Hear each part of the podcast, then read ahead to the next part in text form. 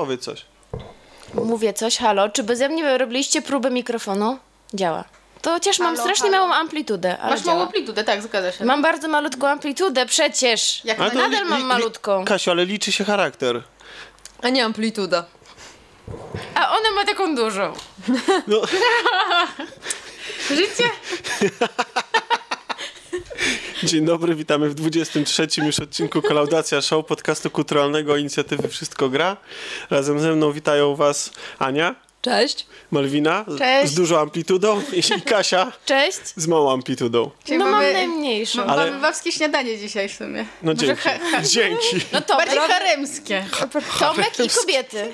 Brzmi jak tania marka papierosów. Myślę, że te odcinki, w, których jesteśmy tylko my, powinny nazywać się Tomek i kobiety. Właśnie, słuchajcie, bo był taki film Dr. T i kobiety e, No, z no. Richardem Girem. D- d- Dr. Tomek, T no. i kobiety.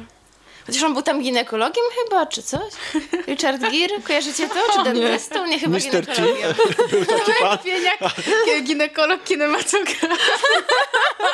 Był, był, taki, był taki film, znaczy był taki człowiek, który miał ksywkę Mr. T. Jest też Ice Albo Ice właśnie. No. No dobrze.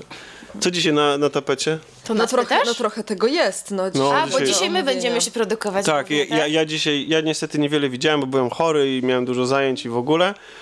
Także dzisiaj będę wam tylko przeszkadzał. Nie Dobrze, zgadzamy się. Tak? To może Ani najpierw poprzeszkadzamy. Zresztą Kasia też trochę widziała to. Tak, ale to zacznijmy od... Zacznijmy od serialu, który Tak, ja szturmem już- zdobył Netflixa. Ja się, nie, nie, nie ma gościa Właśnie na nie. Netflixa. A, on jest Właśnie Foxa, Netflixa. tak? Tak, Foxa. Foxa. serial Foxa, e, który też można było oglądać na polskim kanale Fox, więc, e, Mhm. Więc, tutaj jest, więc jesteśmy, ułatwiona. mamy du... I to jest Tomek, serial... jak ty brzydko mówisz. Ja się nie mogłam doczekać, żebyśmy przy o nim kobietach tylko. porozmawiali. Bo... tylko przy, a przy kolegach nie. Staram się udawać wtedy bardziej elokwentnego. No tak, e, ja też się staram przy kolegach udawać bardziej elokwentną niż jestem i na podcaście, bo na co dzień to, to, to Znaczy, nic się nie łudzi. Wiem, wiem. No właśnie. No, A ty więc myślisz, jak- od kogo się nauczyłem tak przeklinać? E, Na pewno nie ode mnie, myślę, że od Kasi. Kasia nie może, bo Kasia udaje elokwentną na zajęciach swoich, jak prowadzi, jak jest nauczycielką. Kasia, czy twoi uczniowie słuchają podcastu? Nie, Nie? A nie chciałabyś Je- im jeszcze. zarekomendować? są za młodzi chyba na to. Nie, poczekam aż jeszcze trochę dorosną. Na zakończenie roku e, ostatniego Kasia im powie i polecam wam podcast. A co będzie, jak usłyszą, że, że nagrywasz? To zaczną lajkować. No właśnie. No to powiedz im, że nagrywasz. Lajkować to chyba dobrze, ale jak e, zaczną pisać komentarze, może się Też, to też. Nie no, większość moich uczniów nie ma ich jeszcze nawet na Facebooku, bo nie mają 13 lat, więc y, Uuu. na szczęście. Niektórym to nie przeszkadza, nie mieć 13 lat, żeby, żeby nie być na Facebooku. To prawda, ale nie no. Ja w ogóle jak y, na 35, Obawiam się trochę na tego. 35 urodziny mam taki plan, żeby sobie zrobić prezent i wystartować w wyborach prezydenckich. Jestem za. I, Ale dlaczego akurat ale- 35? bo od wtedy można. Od, jak skończy 35 lat, dopiero możesz startować na Musisz prezydenta. zebrać ileś tam No, Byłbyś, no byłbyś najmłodszym polskim akcję, ale właśnie- prezydentem. Naj- Tak jak Jude Law był najmłodszym papieżem. Tak, ale ja będę miał tylko dwa postulaty, nie?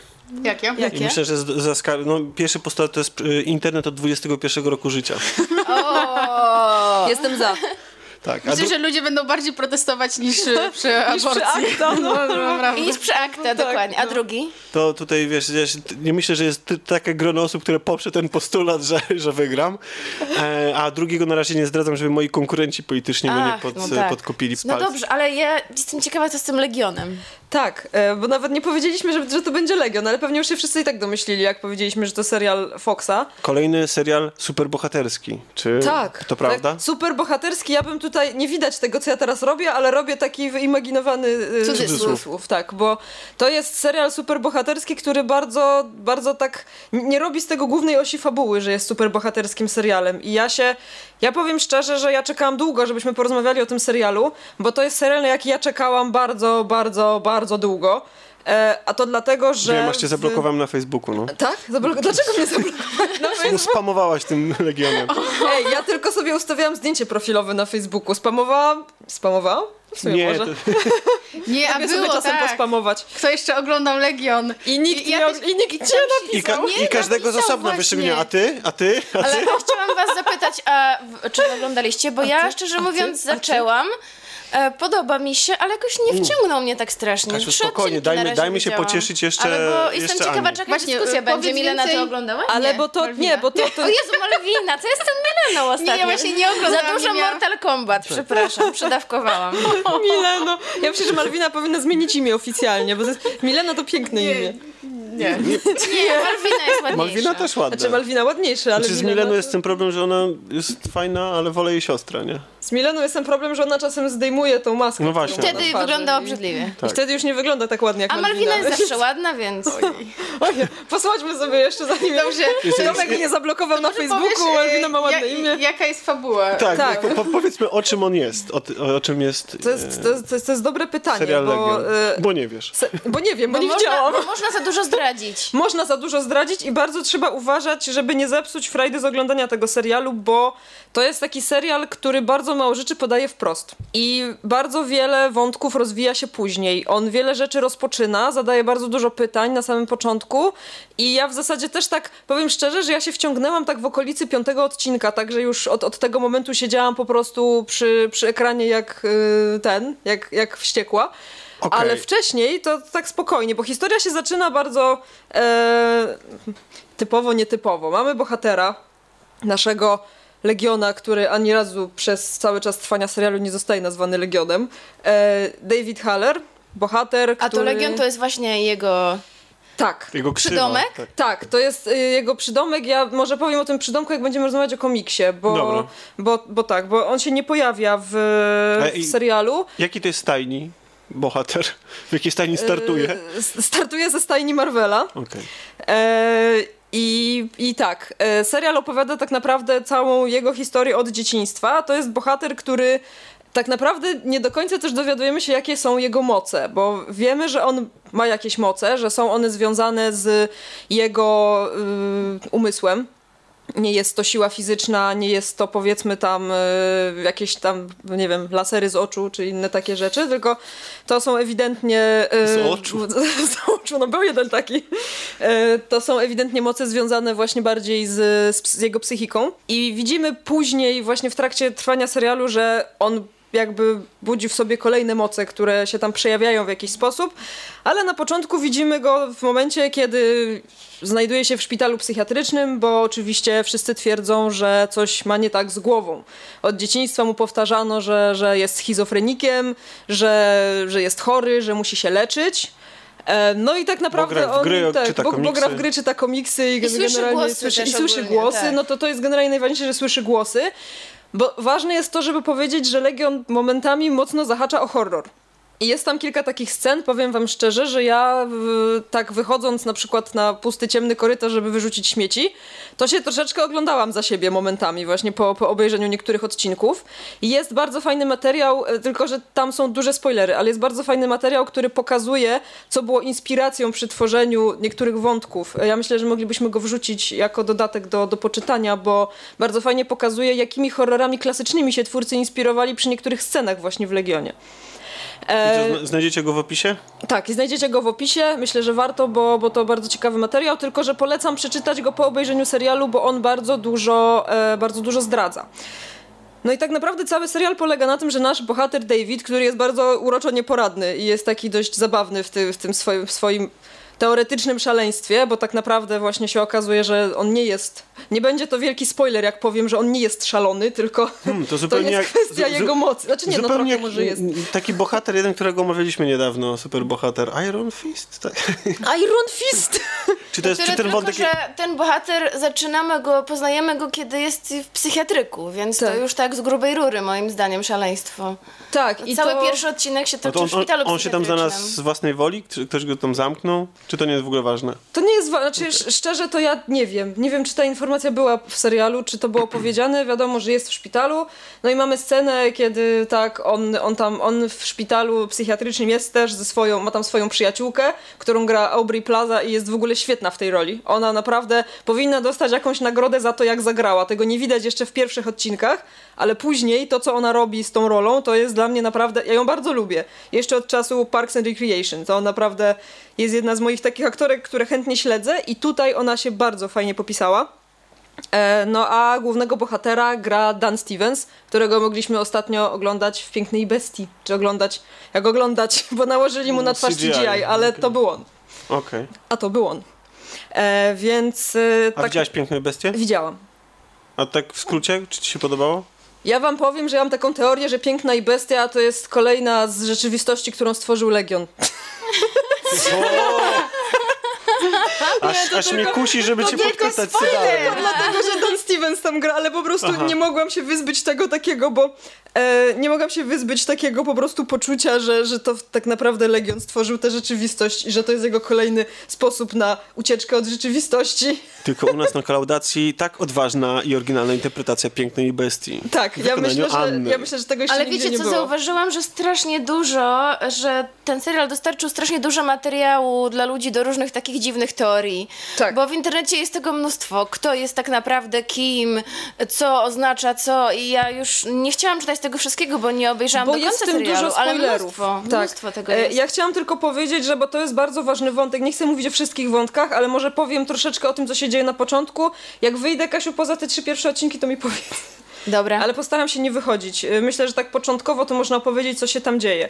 Ogólnie no. rzecz biorąc, sytuacja wygląda tak, że w pewnym momencie e, jedna z dywizji e, rządowych zaczyna się interesować Davidem, bo dochodzą do wniosku, że faktycznie to jest mutant, który przejawia jakieś tam bardzo rozbudowane moce i starają się go dla siebie pozyskać.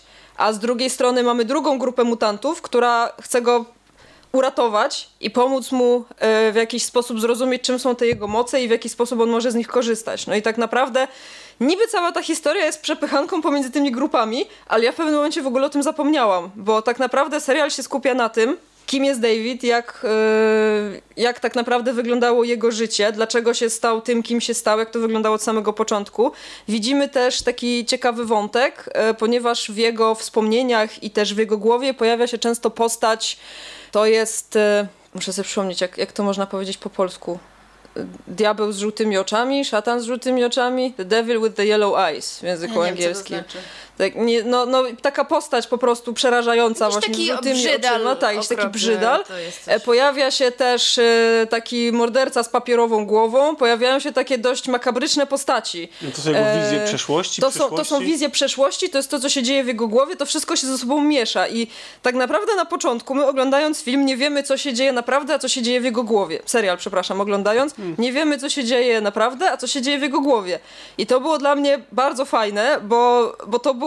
To, to, to, nie wiem, to tak potrafi wciągnąć te wszystkie wizje, które się ogląda i właśnie fajne jest to, że serial ci nie mówi wprost. To jest linia fabularna, a to jest coś, co sobie wyobraża główny bohater. Tylko ty sam musisz to jakby wyłuskać z tego wszystkiego, a udaje ci się to dopiero jak powiedzmy No to się łączy? To się wszystko ze sobą bardzo pięknie łączy. Ja muszę jego powiedzieć, wyobrażenia że też mają jakąś swoją tak, linię fabularną. to wszystko i- ma sens, to wszystko się ze sobą łączy i ja teraz jestem na etapie oglądania tego serialu drugi raz, wiedząc jak się kończy.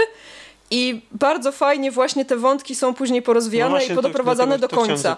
Oczywiście kilka elementów zostało otwartych właśnie po to, żeby y, pociągnąć drugi sezon, z czego ja się bardzo cieszę, że będzie drugi sezon. E, ale wszystkie główne wątki zostały bardzo ładnie, bardzo fajnie zamknięte. Bardzo ciekawie i ja na pewno na drugi sezon będę czekać z niecierpliwością, bo to, to nie jest taki serial, który stawia więcej pytań niż daje odpowiedzi. Aczkolwiek jest kilka rzeczy, które mam wrażenie, że celowo zostały niedopowiedziane. To, to nie jest tak, że po zakończeniu oglądania serialu myślisz sobie, o może, no dobra, fajnie, skończył się, ja dalej nic nie wiem. Tak, tak jak, To, tak jak co, ja bo, bo ten serial na początku był, jak tylko zaczął być emitowany, to był w internecie porównywany do Lostów. Ja bym go nie porównała do Lostów. Być może dlatego właśnie, że w pierwszych kilku odcinkach więcej jest pytań niż odpowiedzi, ale jak później dowiadujemy się, bo to No właśnie wszystko ja jest... też dlatego tak porównałam, a nie lubię Ale- seriali, które się, słusznie, które się bo- opierają na czymś takim, czyli mamy mnożenie kolejnych zagadek, nie, dom, nie, do, nie domykamy jeszcze kolejnej, a już dostajemy Mhm. je, i kolejną, kolejną, kolejną i bazujemy to zainteresowanie widza na tym, że po prostu widz chce się dowiedzieć, o I co w tym czeka. wszystkim chodziło. Tak. Powiem wam, że pierwszym odcinkiem byłam zachwycona. Obejrzałam, wow, ale świetny w ogóle pomysł, niesamowity. Ale obejrzałam dwa czy trzy kolejne i zaczęłam powoli tak się tym nudzić, bo cały czas czułam, że jest non stop ta sama konwencja, że właśnie pokazuje mi te zagadki i jakoś, nie wiem, i, i no...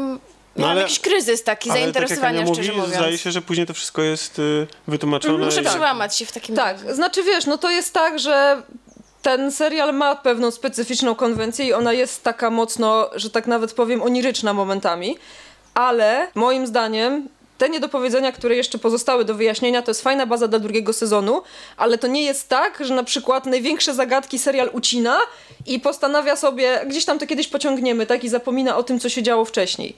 Powiedziałeś, że to jest, że głównymi mocami naszego bohatera są e, moce, moce umysłu, tak? Tak. Jakaś telepatia, podejrzewam, Tak, telepatia, widać później, że on też używa telekinezy, widać, że tak Tak, to naprawdę już w pierwszym on... odcinku jest tak, pokazane. Tak, to już jest w pierwszym odcinku pokazane, później się właśnie Bo- wyjaśnia dlaczego. I Ja znam to prawdziwą tożsamość tej postaci. Tak.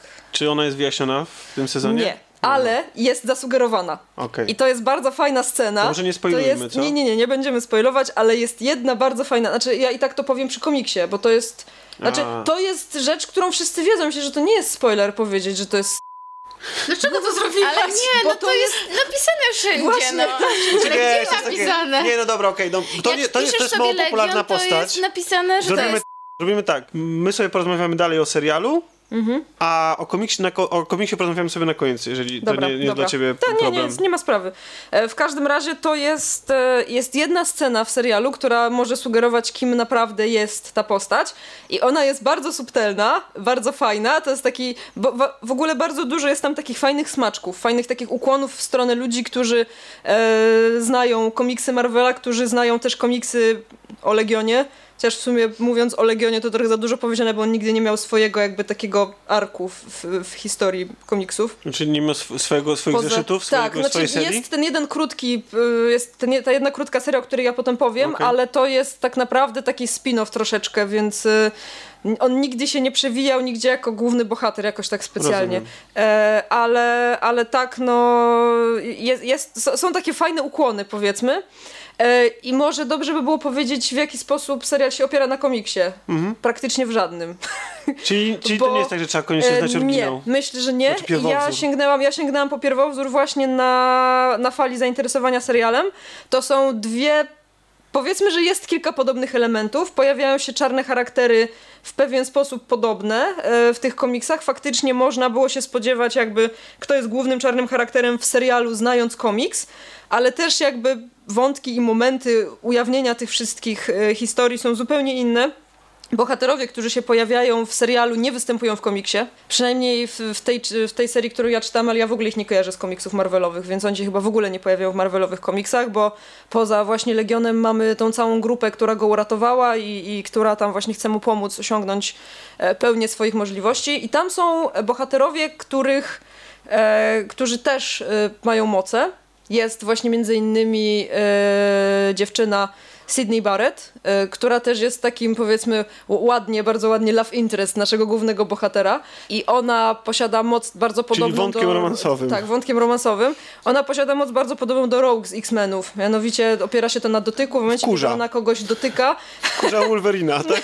nie ma Wolverina. No tak, ale, Ale- to warto powiedzieć, że Tak. to jest ciekawy twist do- do wątku romansowego, że Tak. nasi bohaterowie nie mogą się dotknąć. Wow. Jest zabroniona jak, Tak. jakakolwiek forma kontaktu fizycznego między nimi, ponieważ e, każdy, e, każdy moment, kiedy ona dotknie kogoś, to... To zamieniają to się ciałami. umysł. Zamieniają tak? się ciałami, Na jakiś czas, tak, na jakiś czas zamieniają się ciałami, więc e, to Więc jest to też to, ciekawy się... wątek romansowy. To bo- jest bardzo ciekawy i bardzo fajnie Znaczy, przepraszam, czy poprowadzony wtedy, wątek czy, wtedy ta, romansowy. czy wtedy ta osoba w jej ciele nabywa tą moc, że jak kogoś dotknie, to się zamienia z kimś innym kolejnym? Nie, ale ona będąc w ciele tej osoby potrafi korzystać z tych mocy, bo była taka sytuacja, że ona zamieniła się No, ale to ciałami wtedy jest takie trochę z... niesprawiedliwe, no bo No trochę tak, to no. wtedy ta moc jest przypisana do stanu umysłu, czy do, do fi, czy jest Znaczy, pew- wynika z fizyczności Pewne spojrzenie osoby? na to, czym naprawdę są jej moce, daje ostatni odcinek, więc Aha, nie będę okej, też dobra. o tym mówić, ale też te jej moce są wykorzystane trochę w inny sposób właśnie w ostatnim odcinku. Okej, to ja tylko wrócę do pytania, które chciałem zadać przed spoilerem. Przed spoilerem. E,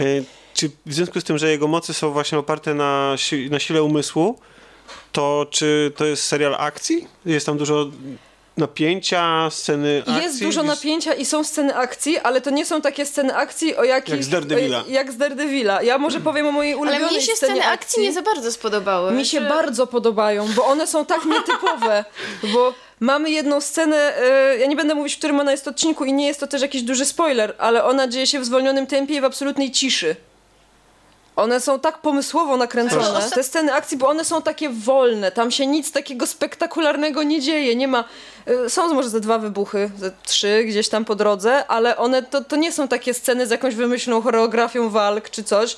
One są takie bardziej, powiedzmy, e, nie są główną osią fabuły, bo one są tam gdzieś po drodze, bo kiedyś trzeba, wiadomo, z kimś się tam zmierzyć w jakiś sposób, ale jest też taka scena, którą ja bardzo fajnie wspominam właśnie jak e, nasz bohater wchodzi do pewnej placówki, nie będę może zdradzać zbyt dużo szczegółów i rozprawia się z czarnymi, z czarnymi charakterami, czy powiedzmy z przeciwnikami, idąc i pstrykając raz z jednej, raz z drugiej strony i to jest tak urocze po prostu i tak no... To No są tego takie- jeszcze nie widziałam. Po co pstryka, jeżeli e, umysłem wszystko robi? Zobaczysz.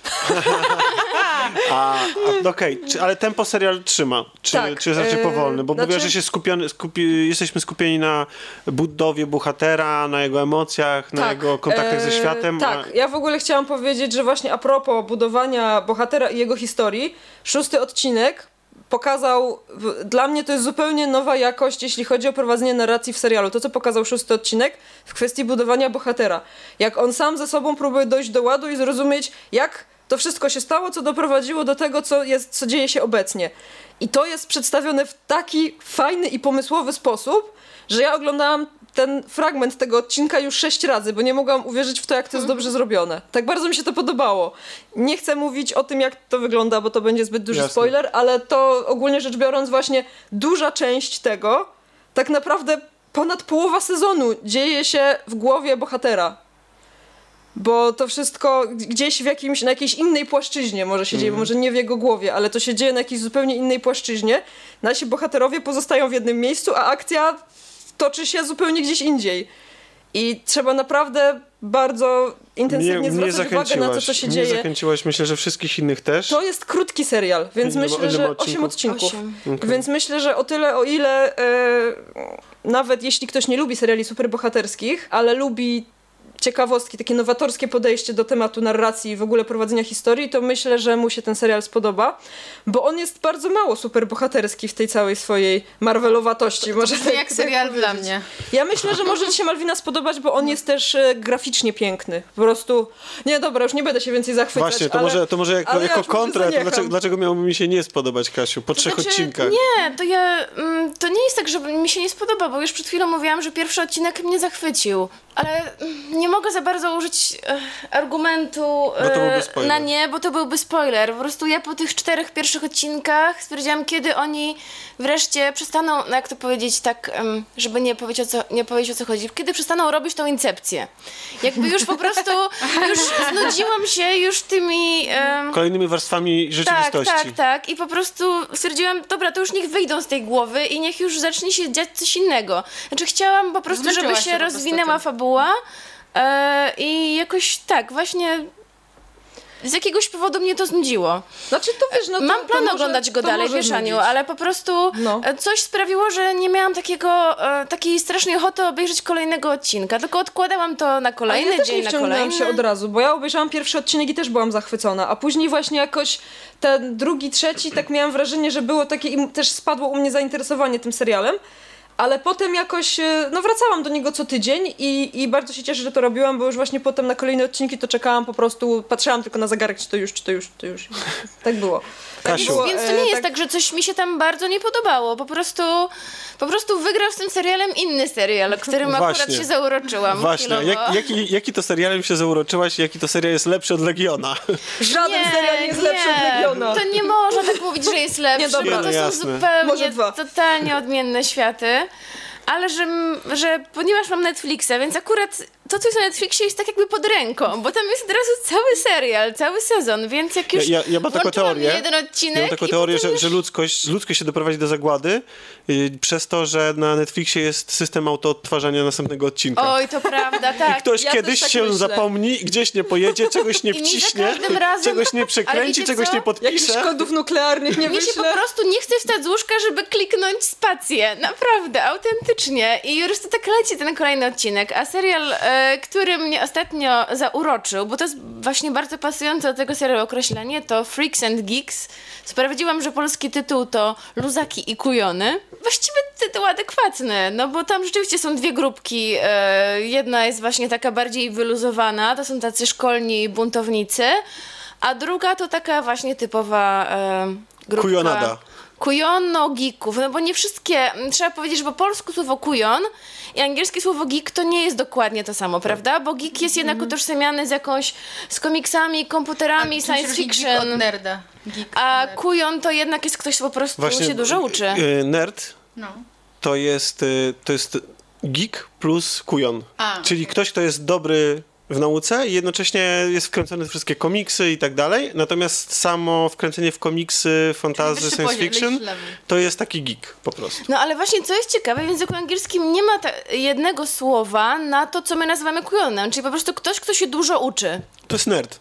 Mi się wydaje, że, oni, że właśnie, się że, wydaje, że, że że, oni nerd? nazywają to ne- Jak ja nerdami. się nad tym zastanawiałam, to też mi się wydawało, że to jest najbliżej Bo jakoś. w polskim tak, ten w miarę. kujon jest jednak bardzo pejoratywny. To nie jest ktoś, kto No ja- jest i w zdolny. angielskim nerd też tylko, długo było. Tylko to jest ktoś, kto po prostu siedzi nad książkami yy, i nadrabia tym, że non-stop się uczy. I wcale nie musi być to bardzo zdolna osoba, prawda? A Myślę, że to raczej i chodzi nerdy o to, że- takie... Chodzi o wyniki. Że to nie jest osoba, która też kuje po to, żeby kuć, tylko kuje z, z ciekawości. Dlatego, że w jakiś tam sposób chce sobie... Czy widzi to wartość tak, w, widzi w wartość nauce. właśnie w tym i dlatego się uczy, a nie dlatego, że po prostu musi siedzieć nad książkami, bo mu na przykład Dobra, słabo idzie dobra, w szkole. umówmy się. Jest to serial, który po tym opisie jest po prostu chyba nam wszystkim tutaj bliski. Ale wiecie co, przepraszam, ale trochę w moją działkę odbiję, ale to dopiero, to pokazuje, jak fascynującą kwestią jest język, naprawdę, bo w jednym języku jedno słowo znaczy coś naprawdę innego niż w innym, a mimo, że jest tłumaczone tak samo. Że jednak język Na- zawiera najłatwiej w to sobie wytłumaczyć dużą na, taką na, na, przykładzie słowa fuck, bo w, w języku angielskim ono zastępuje tak wiele znaczeń, a jednak język polski jest bogatszy pod względem wulgaryzmów. Przepraszam? pod względem wulgaryzmów. No dobra, ale co, e, ten Tak. serial, właśnie co jest ciekawe, to wcale nie jest nowy serial. E, Właśnie przed chwilą sprawdziłam, że na grupie Wszystko Gra wspomniał o nim Grzesiek Gaszewski. Pozdrawiamy Grześka. Tak, pozdrawiamy. Który e, powiedział, że wcale go nie oglądał, jego nie rekomendował, tylko po prostu zapytał, czy to jest coś fajnego. I powiem, że ja zobaczyłam zdjęcie i od razu byłam kupiona. Bo, bo na zdjęciu i w liście płac e, serialu w obsadzie są same gwiazdy właściwie ki, kina Same i telewizji. gwiazdy, a serial pochodzi z początku lat 90. Więc mamy okazję zobaczyć w odmłodzonej wersji. A Tak. niektórych zupełnie jako dzieci. Tak, na przykład główne role grają James Franco, e, Seth Rogen i um, nigdy nie pamiętam tego trzeciego, który też gra w tych wszystkich komediach E, To e, jest to ten, który grał w e, How I Met Your Mother, prawda? Tak, jak waszą tak, matkę. Tak, no oczywiście nie pamiętam teraz jego nazwiska, no ale oprócz tego w epizodach grają osoby, które stały się sławne dopiero dużo, dużo później. Na przykład Jason Schwartzman, czy Schwartzman. E, albo na przykład, uwaga, uwaga, dostrzegłam i zobaczyłam, że nawet nie jest wymieniony na Filmwebie, Ben Foster. Zapewne kojarzycie Bena Shia Fostera. LaBeouf? Shia LaBeouf też tam A i pojawia. Shia też, tak. Ale słuchajcie, Ben Foster gra po prostu upośledzonego e, chłopaka i po prostu gra to niesamowicie. E, jest, jest, to, jest to, są dwie czy trzy kilkuminutowe sceny, a kradnie w tym momencie całkowicie odcinek. I, Znaczy i... w ogóle serial jest świetnie zagrany.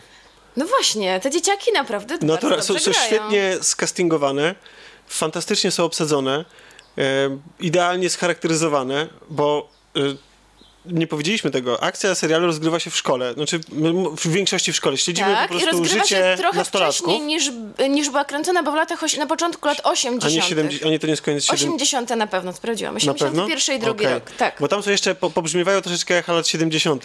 E, i muzycznie tak, no ale zawsze jest tak, że początek No tak, dekady wiadomo. jeszcze należy do dekady poprzedniej Ale- i tam po prostu mamy Pink Floyd, The Who, no po prostu całą plejadę tych zespołów po prostu lat 70. E, Zresztą soundtrack dla mnie jest genialny, świetny. Po prostu jestem zachwycona tym soundtrackiem. Warstwa wizualna też jest, e, podejrzewam, że wynika trochę z, może wynikać z małego budżetu serialu, e, ale, ale też jakoś tak wyobraźnie to wszystko przypomina coś, co było kręcone w tamtym okresie.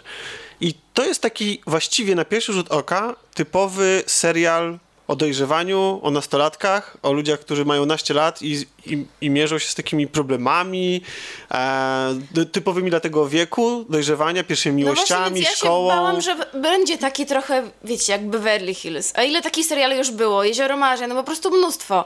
Ale jakoś ten serial mnie kupił. Jakiś, jakiś taki uroczy. Ci bohaterowie są tak, nie wiem... mm, Bo my się łatwo tak w nim odnajdujemy. strasznie- No być No, może w tak, jest, bo jest mało... można ich e, polubić. Bo zawsze te seriale, e, nie wiem, typu Beverly Hills, tam są te geeki i kujone, tylko to jest jako takie e, wyna wynaturzenie. No ja powiem wam, że się strasznie... chyba głównie. Skupienie się Strasznie się tak. utożsamiłam z bohaterką e, Lindsay. Jest to siostra głównego bohatera.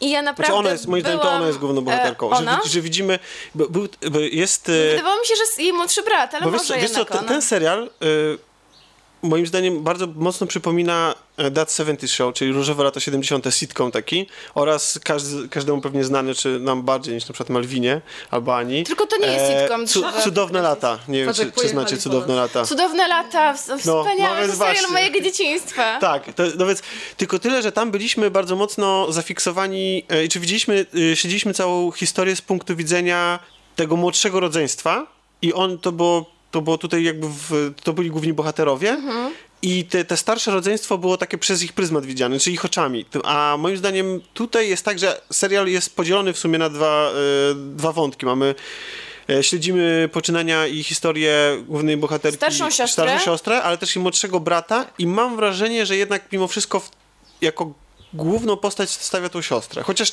czasami też lawiruje i czasami No on wychodzi na możliwe, pierwszy plan. Ale właśnie chodziło mi o to, że e, ta starsza siostra to była taka przykładna uczennica piątkowa, która zaczyna nagle się z nieodpowiednim towarzystwem tytułowymi luzakami, czyli frykami, e, chadzać i, i zaczyna chodzić z nimi na koncerty, ubierać się tak trochę, wiecie, grunge'owo, rockowo. No, ona się już sama tak ubierała. Chodziła w kurtce E, wojskowej z Korei I swojego po ojca. prostu to jest jak moje dzieciństwo. Ja pamiętam, jak moi rodzice i pani wychowawczyni przeżywali, że taka po prostu uczennica z taką średnią ho, ho, ho nagle zaczyna chodzić na piwo z jakimiś tutaj buntownikami. A po prostu, no... Być może dlatego tak mi się Po prostu podoba. byłaś buntownikiem z wyboru. To ona trochę taka właśnie jest, bo to też wpisuje się w ten jej proces dojrzewania. Z kolei jej brat jest, y, jest dużo młodszy, więc się mierzy z innymi problemami. Tak, jej brat jest w pierwszej ale klasie, jest ma takim typ, 14 lat. typowym nerdem, geekiem. Może nie wiem, nie wiem jak y, jego stopnie, ale jeśli chodzi o towarzystwo, w jakim się obraca, no to jest y, takim powiedzmy szkolnym luzerem, tak? Gdzieś tam Tak, zepchniętym. i za, po, poprzez postać poza właśnie tym- tego, tego naszego geeka sama e, mamy, mm, jesteśmy, poznajemy jakby, jakby to powiedzieć, motywy geekowskie z tamtej epoki, Mhm. które też mogą być bliskie wielu naszym słuchaczom, myślę. Tym na starszym. przykład Atari i, i różne konwenty science fiction i, i komiksy i różne tego Koncerty. typu rzeczy. Jak po prostu była taka scena, kiedy e, są pokazane, e, jest pokój głównego bohatera, jego figurki, jego zabawki i on w pewnym momencie stwierdzi, że nie, jest, jest, ja już jestem dorosły, ja te wszystkie zabawki wrzucę do kosza. To Piotrek, którego miał ze mną, tak westnął, mógłby mi wszystkie je oddać, po prostu te wszystkie figurki są takie fajne.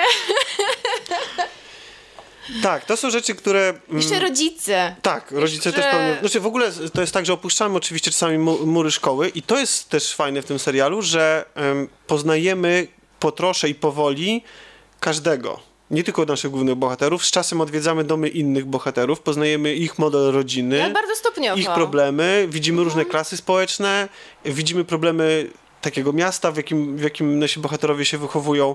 Tylko ten serial został szybko ucięty. Ja jeszcze go nie dooglądałem do końca. No ja jestem na 13 odcinku, jest niestety tylko 18 i już przeżywam, co ja zrobię, jak się skończy. Ja mam, Legiona dooglądasz. Ale jak to możliwe, że był to tak świetny serial i tak szybko został zakończony? Po Firefly. jednym, po jednym sezonie. Wiesz co, ja mam pewne podejrzenie. Jaką masz teorię spiskową? To nie jest teoria spiskowa, to jest y, moja ocena trochę tego serialu. Bo on, tak jak powiedziałem, bardzo przypomina mi na przykład właśnie Różowe lata 70., które się doczekały tam siedmiu sezonów, czy coś takiego, czy nawet dziewięciu. No właśnie, I, i to, cudowne lata też długo się ciągnęły. tego nie wiem, bo to nam się mogło tak wydać, bo oglądaliśmy to jako dzieci. Nie, główny bohater zaczął jako naprawdę mały chłopiec. W ostatnich Okej. sezonach był już duży. Jestem pewna. E, wydaje mi się, że to jest trochę tak, że Różowe lata dociągnęły tak długo, mimo tego, że to była ewidentnie przeciągnięte i ostatnie sezony naprawdę nie były, nie były najlepszej jakości, ponieważ oprócz opowiadania o tej grupce nastolatków, dużo uwagi poświęcali przemianom społecznym i w ogóle tamtym czasom. I była sportretowana dokładnie cała epoka. Tymczasem w sytuacji Freaks and Geeks mamy naszych bohaterów, mamy problemy właśnie pierwszej miłości, zawody, jakieś tam rzeczy typu wizja własnego życia w przyszłości, próby z narkotykami, no takie typowe... Problemy z nauczycielami. nauczycielami. Pierwszy, na pierwszym Tak. osi to wspomniałeś, tak? Przyjaźń. Tak. Ale to jest motyw, który właściwie było, ty powiedziałeś, że niewiele jest takich seriali, to jest nieprawda, bo ja mam wrażenie, Powiedziałam, że... że było wiele seriali, które mówią o dojrzewaniu i o młodzieży. A, okej. Było dużo, było, było. Mam wrażenie, że właśnie, że to są tematy, które były już wyeksploatowane. Ja osobiście, jak byłem mały i chodziłem do szkoły, do liceum czy w podstawówce, uwielbiałem takie seriale i nadal je bardzo lubię, mimo tego, że nie jestem już ich targetem. Ale lubię te, te wszystkie, nie wiem, Szkoła Załamanych Serc, e, właśnie Cudowne Lata. Tak, był taki serial australijski, bardzo byłem w niego wkręcony. Oglądałem kilka sezonów i w ogóle tam się zmieniały klasy. Ja nawet odchodzili- chyba Szkoła Zamanych Serc nie słyszałam. Tylko Jezioro Marzeń i Beverly Hills Jezioro. Marzeń też Cudowne oglądałem. lata. I więc te wszystkie, te wszystkie typowe takie albo filmy, komedie romantyczne rozgrywające się w liceum, to wszystko, Glee nawet oglądałem z tego powodu. To jest musical, ale on się już stał w pewnym momencie tak No, nie ja do zniesienia. e, kilka, Kilka odcinków. odcinków też Całkiem widziałam niezle Glee. to jest faktycznie. Znaczy było, bo Było, później tak. się stało taką maszynką do robienia pieniędzy i wyeksploatowali pomysł e, do cna. I wydaje mi się, że właśnie, że tutaj tych wszystkich takich geekowsko-nerdowskich rzeczy, one są, ale w pewnym momencie wydaje mi się, że to po prostu zaczęło się, wiesz, robić z tego po prostu tradycyjny serial o młodzieży. I takich widzieliśmy już wiele. Nie wiem, ja, to, jest, to jest moje przypuszczenie, że, że ten serial może się w pewnym momencie yy, znudzić. Bo ym, te, te rzeczy, które się tam dzieją, nie, nie, nie, one nie mają jakiegoś zawrotnego tempa. Te odcinki są dosyć długie właściwie. Godzinne są Tak. chyba i i jest tak, że niektóre są świetne, inne są troszkę gorsze. No Gorsze. różny jest ich poziom. Ja nie, ale... sprawdzałem, nie sprawdzałem, czy reżyserował je zawsze ta sama osoba, ale wydaje mi się, że nie, nie zawsze jest y, trzymana konsekwencja w prowadzeniu postaci. Różne osoby reżyserują, Tak. bo i niektóre reżyseruje sam producent, właśnie ten Jude Apatow, wspomniany Który? wcześniej, który jest właściwie górą współczesnych amerykańskich komedii, tych mainstreamowych. I Tak, i, i trafiają mu się za, zarówno rewelacyjne strzały, jak na przykład 40-letni Prawiczek, czy e, Wpadka, czy Funny People, jak i coś, coś y, słabego, jak y, co, co, Tam coś było wykolejona? wykolejona, Coś, to, to czy, było kiepskie. czy, czy, czy e, on jest też, też producentem i naprawdę na, na jego liście są, są i takie i Druhny na super przykład, strzały. on, film. Tak, ale za chwilę mamy na przykład ten 10 tysięcy lat przed... Nie, rok pierwszy. A, rok pierwszy, rok tak, pierwszy, tak. tak. Więc mamy takie i, Ale- i super słabe ale rzeczy. z- Super Batman też na końcu, Ale nie? z trójką e, aktorów z tego serialu współpracuję do dzisiaj, więc podejrzewam, że jakoś dobrze się musieli dogadać. Oczywiście Tak. mowa o wspomnianych wcześniej aktorach. Ale tak czy siak, niezależnie od tego, czy wam się po, po drodze znudzi, czy nie, to mi się wydaje, że jeżeli o nim nie słyszeliście, ja na przykład o nim nie słyszałem i teraz naprawdę oglądając też go, wyobrażam sobie, jakbym go oglądał będąc w liceum. I byłbym totalnie zachwycony. No niestety ja na niego wtedy nie trafiłem. I powiem wam, że bardzo rzadko się wzruszam na filmach. E, często się śmieję na filmach, ale rzadko się wzruszam. A ten potrafi e, i wzbudzić we mnie śmiech. E, I powoduje też wzruszenia, więc Główna bohaterka jest trochę taka w typie bohaterek granych na początku przez Ellen Page. o, to bardzo dobre skojarzenie. Ona też wizualnie jest trochę podobna. Trochę podobna i ona wzbudza ogromną sympatię. I mimo tego, że ja jako no to jest serial o dojrzewaniu, więc wydaje mi się, że naturalne, że się bardziej zwią- y, związałem i y, przeżywam przygody tego m- młodszego brata, e, to jednak ona wzbudza ogromną sympatię i trochę, trochę żałuję, że trochę się zmienia podczas e, tego sezonu i serialu. To jest normalne, powinna się zmienić, ale wydaje mi się, że na początku na przykład jej relacje z bratem są fajniejsze. I ona jest w ogóle taka bardziej em, pełna empatii i jednocześnie próbująca lawir- lawirować pomiędzy dwoma światami. Potem ewidentnie skręca w kierunku jednego i tak... Znaczy, nie, nie obejrzałeś do końca, więc tam potem ten wątek się pojawia, ale jest on jednak wprowadzony tak troszkę topornie. No, zobaczysz. No, okej. nie, nie mówię, że wszystkie odcinki są cudowne i wspaniałe, ale naprawdę jest to świetna rozrywka. E, można obejrzeć z całą Tak. rodziną, chociaż pojawia się tam trochę przekleństw, co mnie zaciekawiło, że w amerykańskim mainstreamowym serialu pojawia się dość wulgarny język. I po prostu W jestem 2000 ciekawa. roku.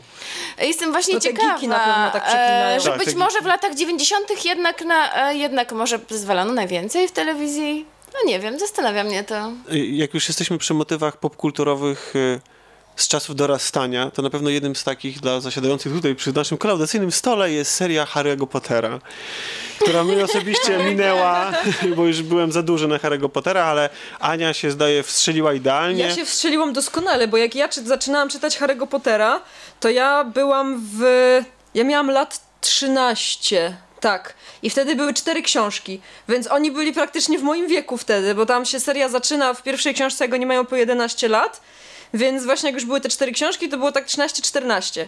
Więc ja pamiętam, że ja wtedy, koleżanka moja ze szkoły, nowa, poznana, pozdrawiam koleżankę imieniu Malwina, która siedziała ze mną wtedy w ławce, zapytała mnie, pierwsze jej pytanie w ogóle do mnie to było, czy czytam Harry'ego Pottera, a ja na to, co? Co ja, czy, czy co z jakiego Harry'ego Pottera? Że o, to są takie książki w ogóle, że ja nie wiem, co ja tracę, że nie czytam Harry'ego Pottera. Więc ja jak usłyszałam coś takiego, to automatycznie stwierdziłam, w życiu tego nie przeczytam. Ale kupiłam mi na urodziny trzy książki. No i przeczytałam wszystkie w jeden weekend. E, chciałam wam e, powiedzieć jeszcze tylko, że mojej młodszej siostrze, rocznik 90, Małgosia, Millennials. pozdrawiam. Pozdrawiam, wszystkich pozdrawiamy dzisiaj. E, książki o Harrym Potterze w ogóle wzbudziły pasję do czytania. Ona wcześniej czytała, ale tak po prostu czytała, a w momencie, kiedy zaczęła czytać książki o Harrym Potterze i czytała je tak, że odmawiała spania, jedzenia, wszystkiego, siedziała, zamknęła się w pokoju, miała takie wory pod oczami, To tak ale po prostu ja. siedziała i czytała te, Harry, te Czyli Harry czytanie Pottery. książek jest niezdrowe. Tak, Oj, Ja chyba do tej pory, jak e, wyszła nowa część Harry'ego Pottera, ja akurat na następny dzień wyjeżdżałam na obóz. E, ja kupiłam tą książkę przed wyjazdem i potem siedziałam e, przez chyba dwa dni czy trzy na tym obozie i do nikogo nie wychodziłam. Przeczytałam tą książkę. A społeczne geekostwo. I ja chciałam powiedzieć, że ja dzięki Harry Potterowi teraz, czy między innymi dzięki właśnie tej serii książek, teraz e, czytam bardzo dużo książek po angielsku, bo ja tak bardzo chciałam czytać Harry'ego Pottera, że jak te książki wychodziły, to ja je kupowałam po angielsku, zanim one się pojawiły w Polsce, bo ja już chciałam je mieć i ja chciałam wiedzieć, co się dzieje dalej i ja siedziałam ze słownikiem przy tej książce i ją czytałam. Ale Aniu, dokładnie Więc- tak samo moja, moja no. przyjaciółka Ola, która Także czytała tak. te książki, to były jej pierwsze książki, które ona czytała po angielsku No. i powiem wam, że teraz ona czyta tylko po angielsku. No właśnie, E, A na początku więc też czytała ze widzisz? słownikiem tak samo jak Widzisz? ty, więc... No właśnie, więc coś coś, tym jest. jest. Ja mam bardzo duży sentyment do Harry'ego Pottera, dlatego jak widzę, że coś się dzieje, co jest związanego z Harrym Potterem, to zawsze gdzieś tam chętnie nadstawiam ucha. E, bo uważam, że jeżeli chodzi o takie powieści dla młodzieży, których na przykład teraz jest zatrzęsienie, bo mamy te wszystkie książki w stylu Hunger Games, w stylu jakichś tam innych właśnie podobnych historii. ich dużo i też Jest podobno są niezłe dużo. całkiem. Znaczy, ja powiem szczerze, że jak ja czytałam Hunger Games, a było to niedawno, bo to było jakieś 4 lata temu, to nie podobały mi się jakoś szczególnie, ale przez cały czas myślałam, że kurczę, gdybym ja to przeczytała mając 14 lat, ja bym była zachwycona. Tak, tak. I to, to mi cały czas towarzyszyło, bo, bo już tam były takie rzeczy, ja już teraz jestem bardziej wymagającym czytelnikiem, ale wtedy, gdybym ja miała 14 lat i czytała te książki, to ja bym była zakochana w tej historii, naprawdę. Ja się cieszę, że jednak wybrałem Wiedźmina niż... No widzisz. Niż, A ja e, wybrałam, nic nie stoi na przeszkodzie, że można No to jest bardzo ciekawe, i bo wiesz Tomek, wiesz? dużo znam osób w moim i twoim wieku, które uwielbiają Harry'ego Pottera, a ty mówisz, że byłeś za stary. Ja też nie, jakoś nigdy nie zafascynowałam się ja, Potterem. ja już, ja już ale... mówiłem, Nie, ja już mówiłem na kolaudacji, że jak ro- rozmawialiśmy o tych, mentalnie o starszy? tych y, niezwykłych y, zwierzętach czy coś takiego, Tak. Fantastycznych zwierząt. tak, że jakby przy całym szacunku dla fanów e, i wersji filmowej i wersji książkowej, ja oglądałem filmy i, one, i filmy mi się nie spodobały, to znaczy uznałem, mogę się mylić, znowu to powtarzam, ale no, znowu krytykuję, więc chciałbym sobie się ubezpieczyć tak, przed y, gniewem, Em, ale ja nie znajduję w tych książkach morału po prostu, to znaczy w filmach, to znaczy oglądałem te filmy i zwłaszcza tam chyba trzecia część czy czwarta, gdzie to już, sorry, że się powtarzam, ale tylko dla tych, którzy nie słyszeli, to przypomnę krótko, że mm, w czwartej części, czy w którejś jest taki motyw, że on startuje, ma kilka zadań do wykonania i pokonać musi kilka kilka zadań i on je nie pokonuje tak jak moim zdaniem powinno się kreować książki skierowane do młodych ludzi za pomocą własnego, własnej inteligencji, wiedzy czy przyjaciół, ale za pomocą właściwie y, oszukiwania, bo on dostaje jakieś tam kolejne artefakty, które mu pomagają e, nieść, nie wiem, własną siłą woli, czy właśnie z własnym hartem ducha, tylko za pomocą jakichś tam tanich, magicznych sztuczek pokonać te, te, te kolejne etapy i wygrać w tych konkurencjach i to wydawało mi się strasznie słabe. I ze wszystkich filmów Harry'ego Pottera ja chyba widziałem wszystkie tak naprawdę. Podobał mi się jeden. Znowu wyjdziesz na hejtera. Tomek. Wydaje mi się, że najbardziej mi się podobał więzień Azkabanu. Że, Okej. że był, że był On był dosyć mro... Chyba był najbardziej... Jej, ja nawet nie Mi się najbardziej podobały dwie ostatnie części. E, to była trzecia część, Więzień z Azkabanu. o, a, a, a to, gdzie on musiał te próby przechodzić? To była To czwarta. czwarta. Okej, to była uff. czara ognia. To Mi się, po- mi uratowany, się nie? podobał jeden taki, który inny reżyser kręcił i był jakiś taki mroczny wyjątkowo. No to może właśnie ten. Znaczy, ostatnie e, powiedzmy też Nie, sobie szczerze, nie. że im dalej w książki, tym było bardziej mrocznie, bo e, filmy, nawet te ostatnie filmy, dwa, które właśnie, ostatnia część została podzielona na dwa filmy, a i tak te dwa filmy nie dotknęły wszystkich tematów, które były podejmowane w książkach. Ja tego bardzo żałuję, bo jeden z moich ulubionych wątków został wycięty w, z filmu w zasadzie, czyli wątek siostry Dumbledora. Które się tam w ogóle prawie. On się przewinął gdzieś tak bokiem, a jak dla mnie on był kwintesencją. Ale dobra, to o Harrym Potterze to Mia- można. e, chciałam powiedzieć, że mieliście rację, tak. bo, Alfonso e, Cuarón, Więzienia z Kabanu, tak. najbardziej mi się no. podobało. No właśnie, ale on- tak. Bo on był chyba też najlepiej podobał zrobiony. najbardziej trzeci i, Bo to i dobry reżyser. ostatnie. Ale wiesz co, to jest coś w tym, co ty powiedziałaś yy, a propos Hunger Games. To ja miałam tak też a propos Harry'ego Pottera, że nawet już przy tych ostatnich częściach, jak czytałam je, to miałam wrażenie, że jak chyba chciałam wrócić do pierwszej, żeby sobie tak No. po prostu przypomnieć, odświeżyć, to już nie mogłam jej czytać, bo już była dla mnie zbyt To właśnie, e, naiwna. to myślę, że możemy przejść do części właściwej, czyli tego, dlaczego wspominamy o Harrym Potterze, bo właśnie e, w piątek byłam na koncercie, znaczy pokazie filmu połączonym z koncertem Orkiestry Symfonicznej, czyli Harry Potter in Concert. E, to był koncert, który się odbył w Warszawie na Torwarze. Wyglądało to tak, że film, który był odpalony w tle tak bez, e, bez muzyki, tylko ze ścieżką dźwiękową, tam efektami dźwiękowymi i Dialogami. dialogami, e, był puszczony w tle na dużym ekranie, a orkiestra symfoniczna na żywo ilustrowała całość muzyką. Powiem wam, że wrażenie było niesamowite, aczkolwiek to była pierwsza część filmu i ja autentycznie widziałam ten film dopiero drugi raz, bo pierwszy raz widziałam go w kinie, jak wchodził do kin i on mi się nie podobał. Czekaj, a w której ty części Ale wtedy, pierwszej wtedy, części. ci, wtedy ci się E, nie podobał, tak, czy teraz ci się Teraz mi się nie podobał. I miałam tak, właśnie oglądałam ten film i miałam takie... O! Nie, on jest słaby ten film Ale bardzo. nie, bo to nawet nie, nie chodzi o to, że, jaki on jest jako film, ale te wątki, że oni tam grali w te szachy, że to, to nie zmienia faktu, że ja kocham Harry'ego Pottera, bo naprawdę ja uwielbiam tę serię i uważam, że to jest najlepsze, co mi się mogło przytrafić jako dziecku, bo naprawdę to była świetnie napisana i bardzo dobrze tak, znaczy teraz widzę w niej kilka rzeczy, które mogły być lepsze, między innymi przedstawienie relacji tam między bohaterami czy coś, jest kilka rzeczy, które mi przeszkadza, ale i tak uważam, że to była jedna z najfajniejszych serii, które najlepiej wspominam. I filmy też mi się podobały. Ja co prawda nie widziałam wszystkich na bieżąco, niektóre sobie oglądałam kiedyś tam, nie chodziłam na wszystkie do kina, ale e, Aniu, Ten- chciałam zapytać o ten koncert. A E, właśnie, a czy to był tak. jeden cały film z muzyką na żywo, czy fragmenty to był różnych jeden filmów? cały film, właśnie tylko pierwsza część Mhm. i druga część ma być e, w taki sam sposób prezentowana w październiku. Aha, czyli roku. na jest oddzielnym bo- koncercie. tak, Ale na jest oddzielnym tak, koncercie. Że rozumiem, że nie było w ogóle jakby głosów Malwino, i dialogów, Malwino, Malwina, tak? Były. proszę, Dialogi jeszcze raz. są. Ale i czy Były to dialogi, są, to czyli znak, jakby ścieżka y, muzyczna jest na żywo, a Tak. dialogi są puszczone. Chciałam I wam powiedzieć, dźwiękowe są że puszczone, na tak, festiwalu muzyki filmowej w No szkoda, Krakowie bo mogliby tam stać z takimi, wiecie, różnymi, tak jak się robi efekty No, no, muzyczne no. w filmach i na Tak. żywo prać coś, uderzać blaszany, blaszanymi Mogli- jakimiś rzeczami. powiedzieć, że na takiej samej zasadzie na festiwalu. E, Jezu, co ja chciałam powiedzieć? Muzyki filmowej w filmowej w Krakowie. Krakowie. O, zawsze chciałam E, jechać. Co roku jest e, jeden film właśnie na takiej samej zasadzie puszczony. Na przykład widziałam e. Matrixa e, z muzyką graną na żywo, Gladiatora z muzyką graną i śpiewaną na żywo. Cudowne. U Łzy były? Łzy były? To- Ja bym tak, płakała już od samego były. początku. Już, już. E, Któregoś roku e, był e, chyba Star Trek. Tak, e, Ola opowiadała, że Tak, widziała Ola Star była Treka. właśnie. No. A w Ale tym roku zazdroszczę. wiecie co będzie? No, dawaj. co? Titanic. O, idę! Muszę to zobaczyć! Jedzie? Przyjedzie Selin. Jedziemy? Przyjedzie Selin. Nie wiem, może. Może Tak, Tak, ja, się, ale ja się chciałam jeszcze a propos zapytać, co to jest za orkiestra w ogóle, co grała. nie wiem. Czyli to nie jest wytnij to. jakiegoś konkretnego y, jakiejś Nie. opery czy coś, tylko po prostu Nie, zebrana mi się tak wydaje, losowo, tak? ale mogę się mylić, dlatego może trzeba były. by to sprawdzić, a jak nie, no to nie, nie, nie wiem. E, Generalnie jest tak, że informacji na przykład w, w ulotce nie ma żadnych informacji na temat tego, jaka to jest orkiestra.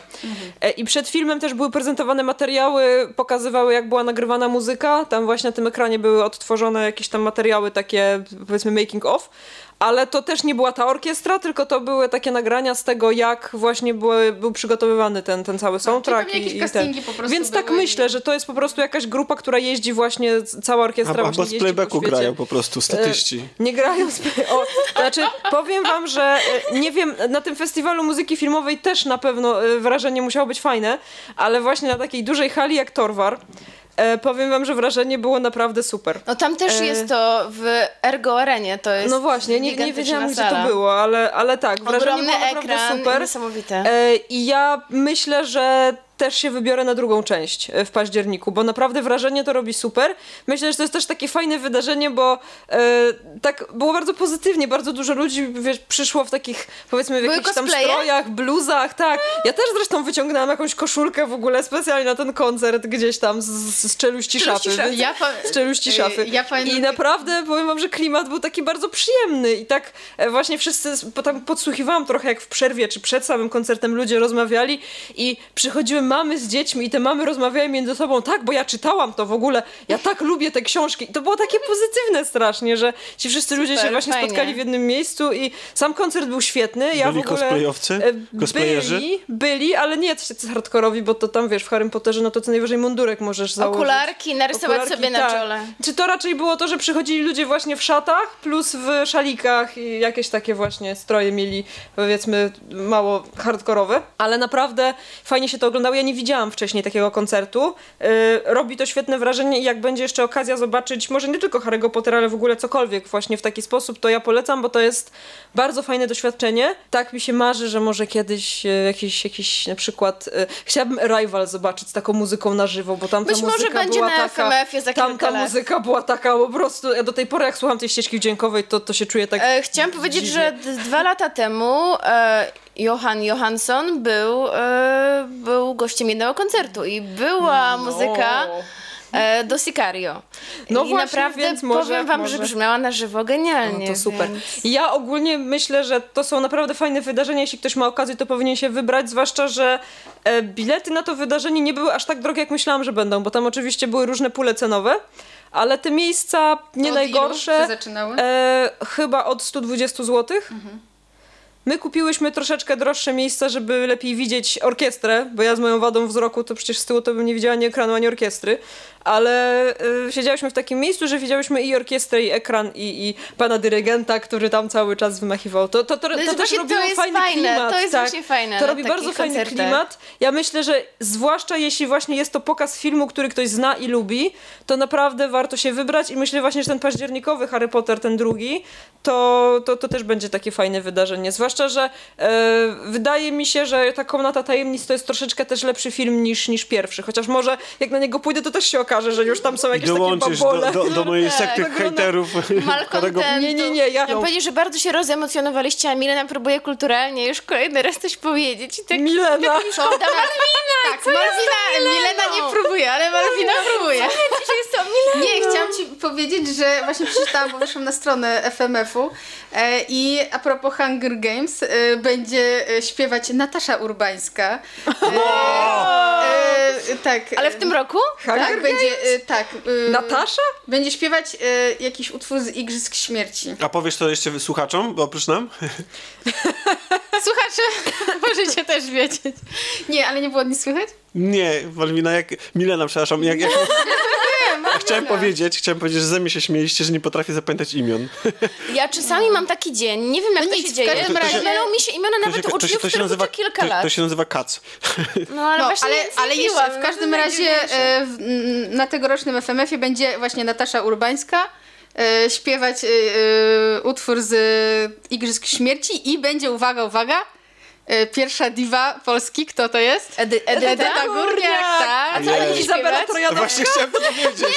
Pocahontas pewnie będzie śpiewała. Nie, nie, Dream Girls. A, Dream Girls. Tak, no, nie okej. Pocahontas, ale jakby była ja- Pocahontas, bym poszła. No, ja też. Naprawdę? Lubię Ja też film. bym poszła. sentyment? Tak. Ja w ogóle, e, a propos właśnie takich e, ciekawych em, aranżacji filmowych, czy jak to można nazwać, ja pamiętam do tej pory, jak byłam na premierze Pocahontas w operze. A myślę, że On Ice. Tak, w operze była premiera Pocahontas i nawet ja, ja tak przez mgłę to pamiętam, ale właśnie wydaje mi się, że ktoś śpiewał.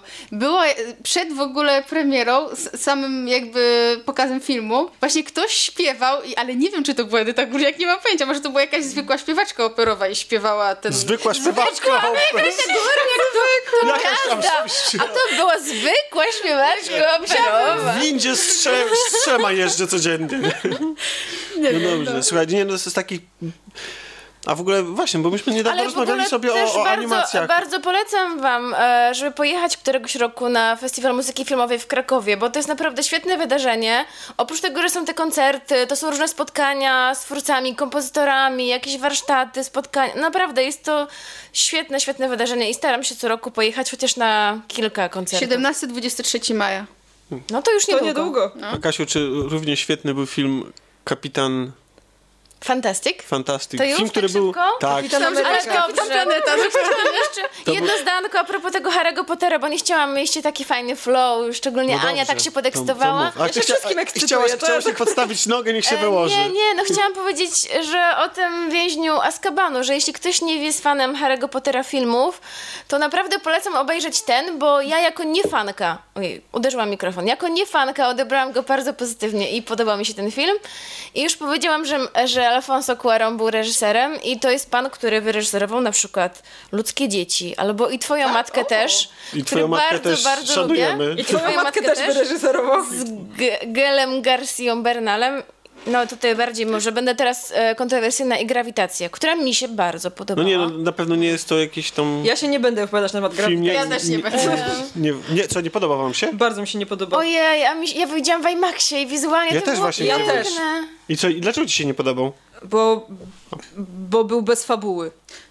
Ja cały czas czekałam też, aż coś się wydarzy. Tak, ja czekałam. Była Sandra Bullock, Ja ratowała sam- życie. ja wam powiem, Sandra był- Bullock w najbardziej pretensjonalnym ujęciu życie, no. tego tysiąclecia, jak zwija... W tym embrionowym? zwi- tak. Ach, Jęknęłam po prostu z No, to rozpaczy. prawda, jak A to- nie to jak leciała na gaśnicy? Też, to, to drugi raz. Ale- ja po prostu Nie, ale, ale, to, ale tamto wizualnie nie miało... ładny, Tam, ale, to, co, tamto ale miało nie, jakieś no. przesłanie? To, Te gaśnice. Nie, ale ja w tym filmie nie szukałam przesłania. Po nie właśnie, a, właśnie a, a, a to ujęcie miało to embrio, embrionalne. Miało niby?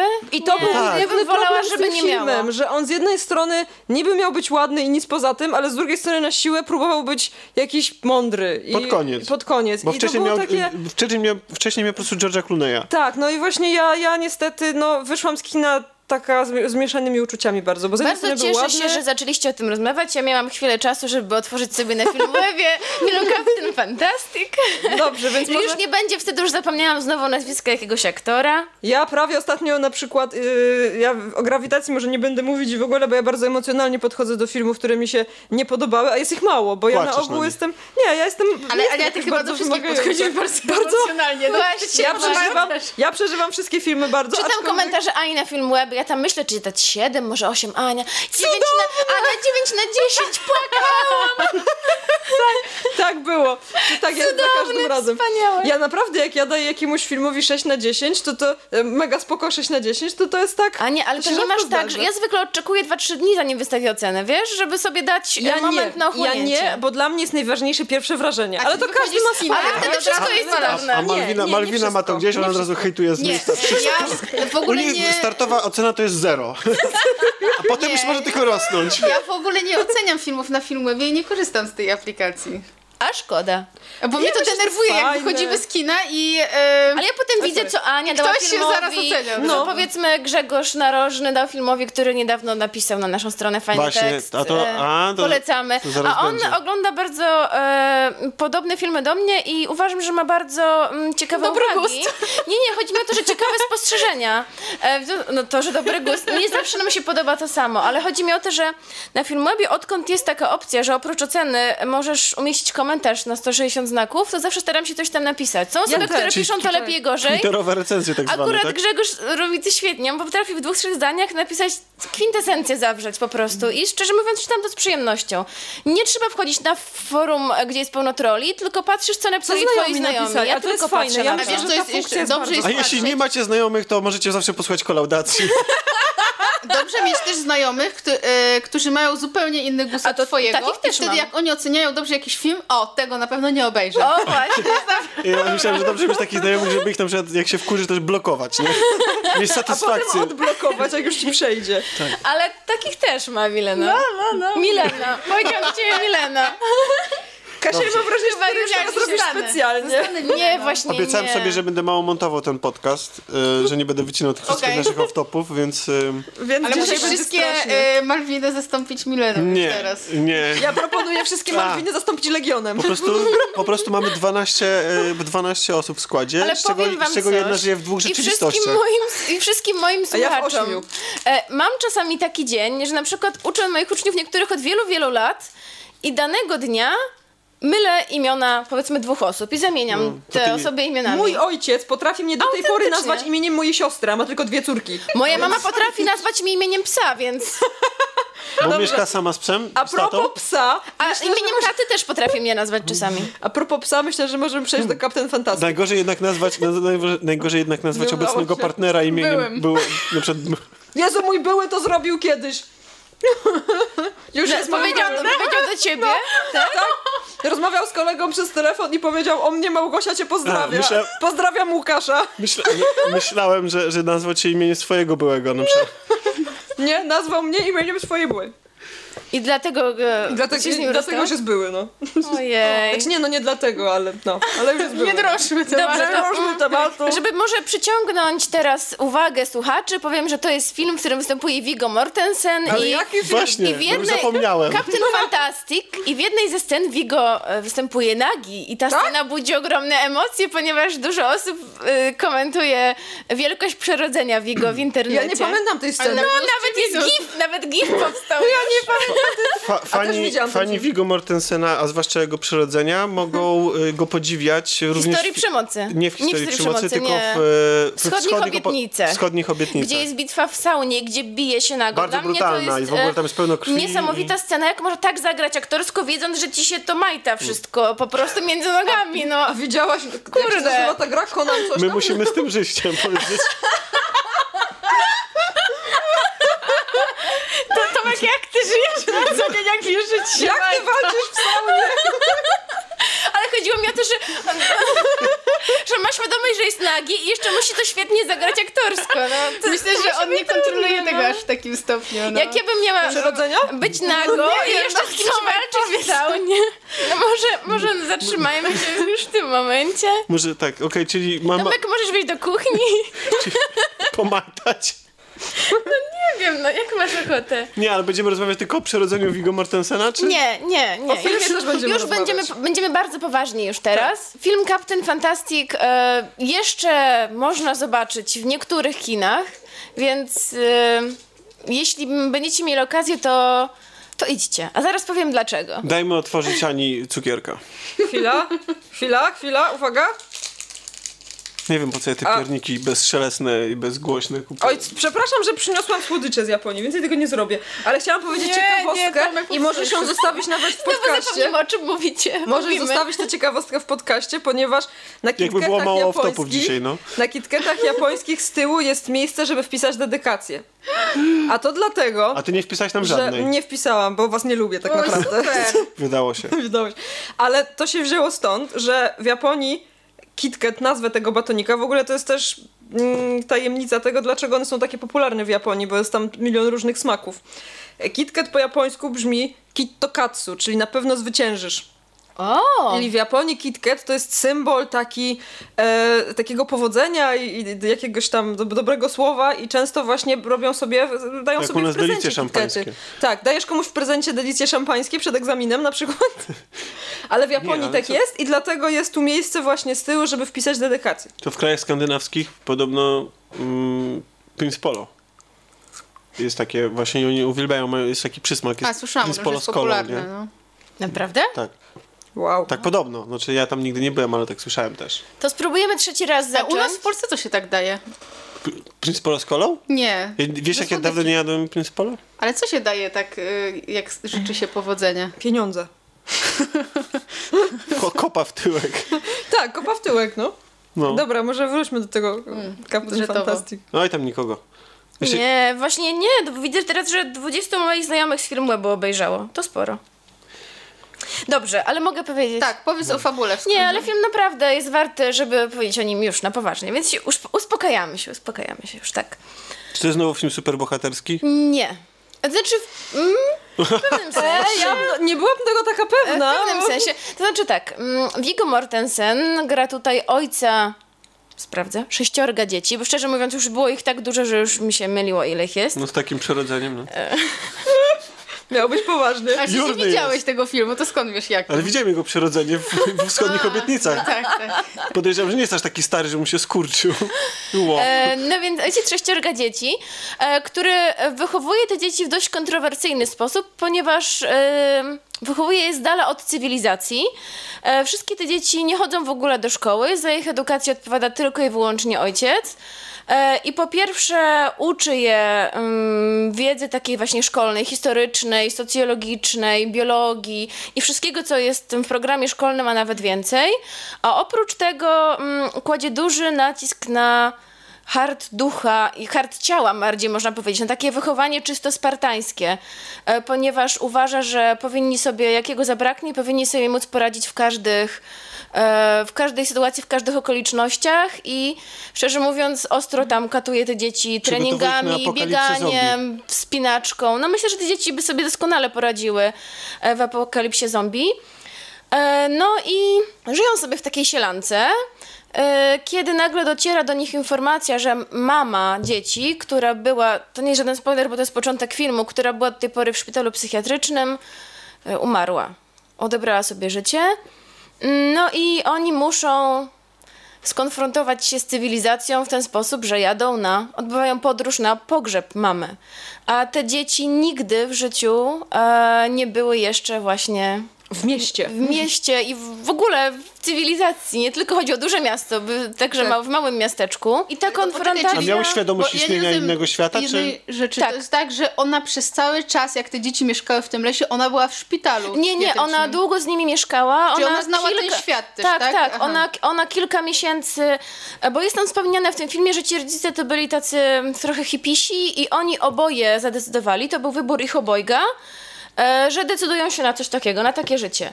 I oni tam żyli z nimi w tym lesie. Mama zaczęła mieć problemy psychiczne i zdecydowali się, że lepiej dla niej będzie, kiedy e, zostanie w szpitalu. E, I ta, to ich spotkanie z tą naszą rzeczywistością e, dostarcza różnych, troszeczkę komediowych jest scen, ale w większości e, to są sceny, które jakby pozwalają nam e, spojrzeć krytycznie na to, jak to wszystko wygląda u nas. Tak mi się wydaje w tym naszym świecie. Jest taka bardzo ciekawa scena, kiedy zatrzymują się w jakimś małym mieście i wchodzą chyba do banku. I te dzieci siedzą i patrzą na wszystkich ludzi przerażone. Znaczy, nie przerażone, ale bardzo zdziwione. Rozglądają się, robią takie wielkie oczy. I ja się zastanawiam jako widz, o co im chodzi. A, a dzieci pytają tatę, tato, dlaczego ci wszyscy ludzie są tacy grubi? One po prostu nigdy w życiu nie widziały grubej osoby. A i myślały, że są chore po prostu. Czy E, chore są tak, i tak? być może myślały, że to jest jakaś choroba. E, albo pada tak, taka, taki dialog, który jest w trailerze już. Tato, a co to jest Coca-Cola? No ja co powiada trucizna. E, warto też powiedzieć, Tomek że... to do ciebie. E, Tata, e, tata ma pewne bardzo mocne przekonania też polityczno-społeczne. Są to mm, dość e, lewicowo-socjalistyczne, można powiedzieć, poglądy. Bardzo skrajne, bym powiedziała. Skrajne, tak, które też przekazuje swoim dzieciom. E, W związku z tym nie można powiedzieć, że. Znaczy, z jednej wiesz strony tak- on chciałby ich wychowanie. nauczyć indywi- indywidualnego myślenia i krytycyzmu, ale z drugiej strony on jakby narzuca im swoje myślenie. Jest- Na przykład oni. E, on. E, dzieci nigdy nie obchodzą świąt, obchodzą. E, obchodzą urodziny. yy, Nie pamiętam takiego znanego naukowca, socjologa. E, Noa Macząskiego. O, Chomskiego. Obchodzą urodziny Chomskiego. Czyli obchodzą święta. Tak, tylko tylko. Urodziny Takie. Chomskiego, No. tak. Czyli uczy ich krytycyzmu, ale wobec postawy innej niż, niż ich własna. Ale swoich urodzin już nie obchodzą. Właśnie to jest, to jest o tyle ciekawe y, w tym filmie, że on nie jest taki, on nie pokazuje, która postawa jest słuszna. Bo to nie jest tak, że, że jest powiedziane, że to, co ten ojciec robi, jest jednoznacznie dobre albo jednoznacznie złe. To już jest takie coś, co ty musisz wyciągnąć z tego filmu, tak? Jak... Ale bardzo ciekawa jest dla mnie obserwacja, kiedy on pokazuje e, ten film, co, co jest w Stanach uważane za odchył, a co, za, a co jest uważane za normę. W momencie, kiedy oni jadą autobusem przez Stany, mają tam pełno książek, e, bo dzieci uczą się w domu, e, są rodziną wielodzietną, zatrzymuje ich policja. I w tym czasie ojciec mruga do dzieci i mówi, wiecie co macie robić. E, I dzieci w tym momencie zaczynają śpiewać religijne piosenki. Udają jakichś religijnych odszczepieńców, fanatyków, katolików oczywiście. I policjant mówi, aha, aha, wszystko okej. A ojciec robi to w tym momencie, kiedy policjant zaczyna patrzeć na półki. Bo zobaczyłby te wszystkie rewolucyjne książki, Książki, wywrotowe tak. i by się przyczepił. To znaczy, chodzi o to, że pokazuje nam, że wszelkie katolickie odchyły są dobra dla świętego spokoju, bo tam jest u nich dużo takich w Stanach przecież różnych dziwnych e, sektorodzin, e, że okej, okej, dajmy im spokój, ale jeśli już będziecie się ze swoją, swoim lewactwem tutaj obnosić, to już nam już się nie to nie tak spodoba. dobrze. Tak. Czy to jest film drogi? Nie do końca. Przez, y, myślę, że tak połowę, bo potem e, następuje spotkanie z rodzicami, z dziadkami, rodzicami e, zmarłej matki dzieci e, i film troszeczkę zmienia, zmienia obraz, staje się bardziej dramatem. Na jaw wychodzą e, niektóre tajemnice i w ogóle. Oczywiście, jak możemy się spodziewać, ojciec e, czy dziadek, teść nienawidzi swojego zięcia, uważa, że zniszczył życie córce i wnukom, uważa, że wnuki powinny zostać u niego i dalsza część filmu bazuje na tym, e, co powinno stać się z dziećmi. Czy Czy, o- dzieci powinny zostać u dziadka, czy tata powinien zabrać je do lasu i powinni żyć tak, jak żyli do tej pory. No i szczerze mówiąc, reżyser daje nam argumenty i w jedną i w drugą stronę. Czy na początku wydaje nam się jednostronny, bo bardzo polubiamy Vigo i dzieciaki. Pokazuje nam w wielu scenach, że dzieci są wiele inteligentniejsze od rówieśników, wiedzą dużo, dużo więcej, mają o wiele bardziej otwarte umysły, więc na wszystko po- pokazuje nam wszystko pozytywnie. Ale w pewnym momencie następuje jakiś kryzys i, i widzimy, jakie zagrożenia może nieść za sobą e, taka sytuacja. Czyli film opowiada o takiej zderzeniu y, własnego świata z, ze światem rzeczywistym, tak? Chyba tak. E, Pojawia Taki- się tam też... E, Próby wykreowania własnej rzeczywistości i dopasowania do reszty społeczeństwa? Trochę tak, ale przypom- przypomniał mi się też film Kieł, Knodontas. Nie wiem, czy kojarzycie ten film, zdaje mi się, że grecki. E, to był taki bardzo dziwny film. Kojarzysz Malwina? Nie, ale ja kojarzę chyba film tego reżysera. ym, Od Kła, tak? Tak, tak. Jakiś E, ostatnio bo- on zrobił, który Bo powiem oglądałam. wam, to był bardzo dziwny film, który opowiadał o tym, że ojciec trzyma swoją rodzinę, tam są chyba dwie albo trzy córki z, pod kluczem, e, w domu za wysokim murem i on przeprowadza na nich taki eksperyment. To znaczy uczy ich e, wymyślonych rzeczy. Wymyśla im, e, wymyśla język, wymyśla prawdę o życiu, wymyśla zasady i tam to wszystko jest tak, to jest jakby pokazane jak taka dewiacja.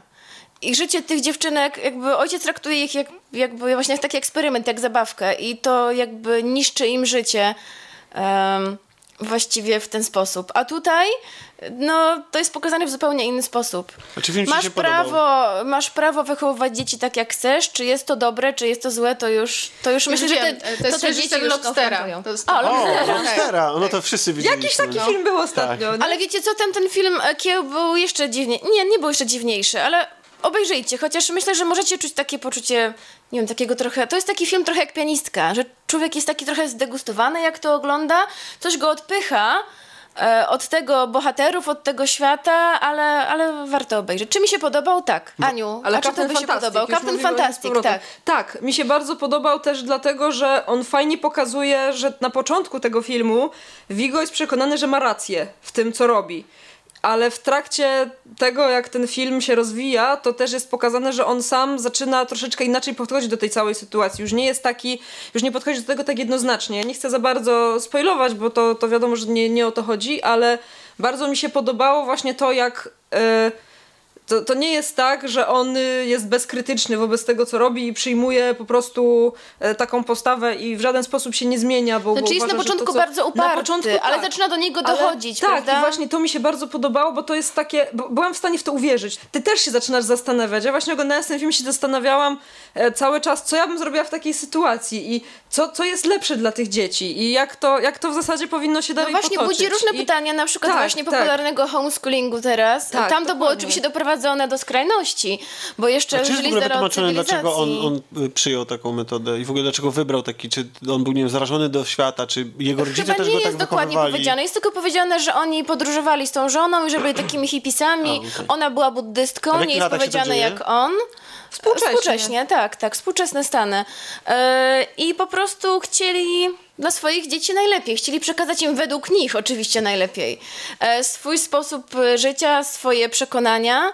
Ale jakby nie wzięli pod uwagę różnych innych czynników, które pojawiają się później. Tak. Że to, co według nich jest dobre dla dzieci, niekoniecznie musi być dla nich rzeczywiście dobre. Poza tym tak naprawdę to jest też to, że oni tym dzieciom nie dawali wyboru tak naprawdę, bo oni jako Właśnie. dorośli mieli wybór, a te dzieci nie miały wyboru. One po prostu nie znały innego życia.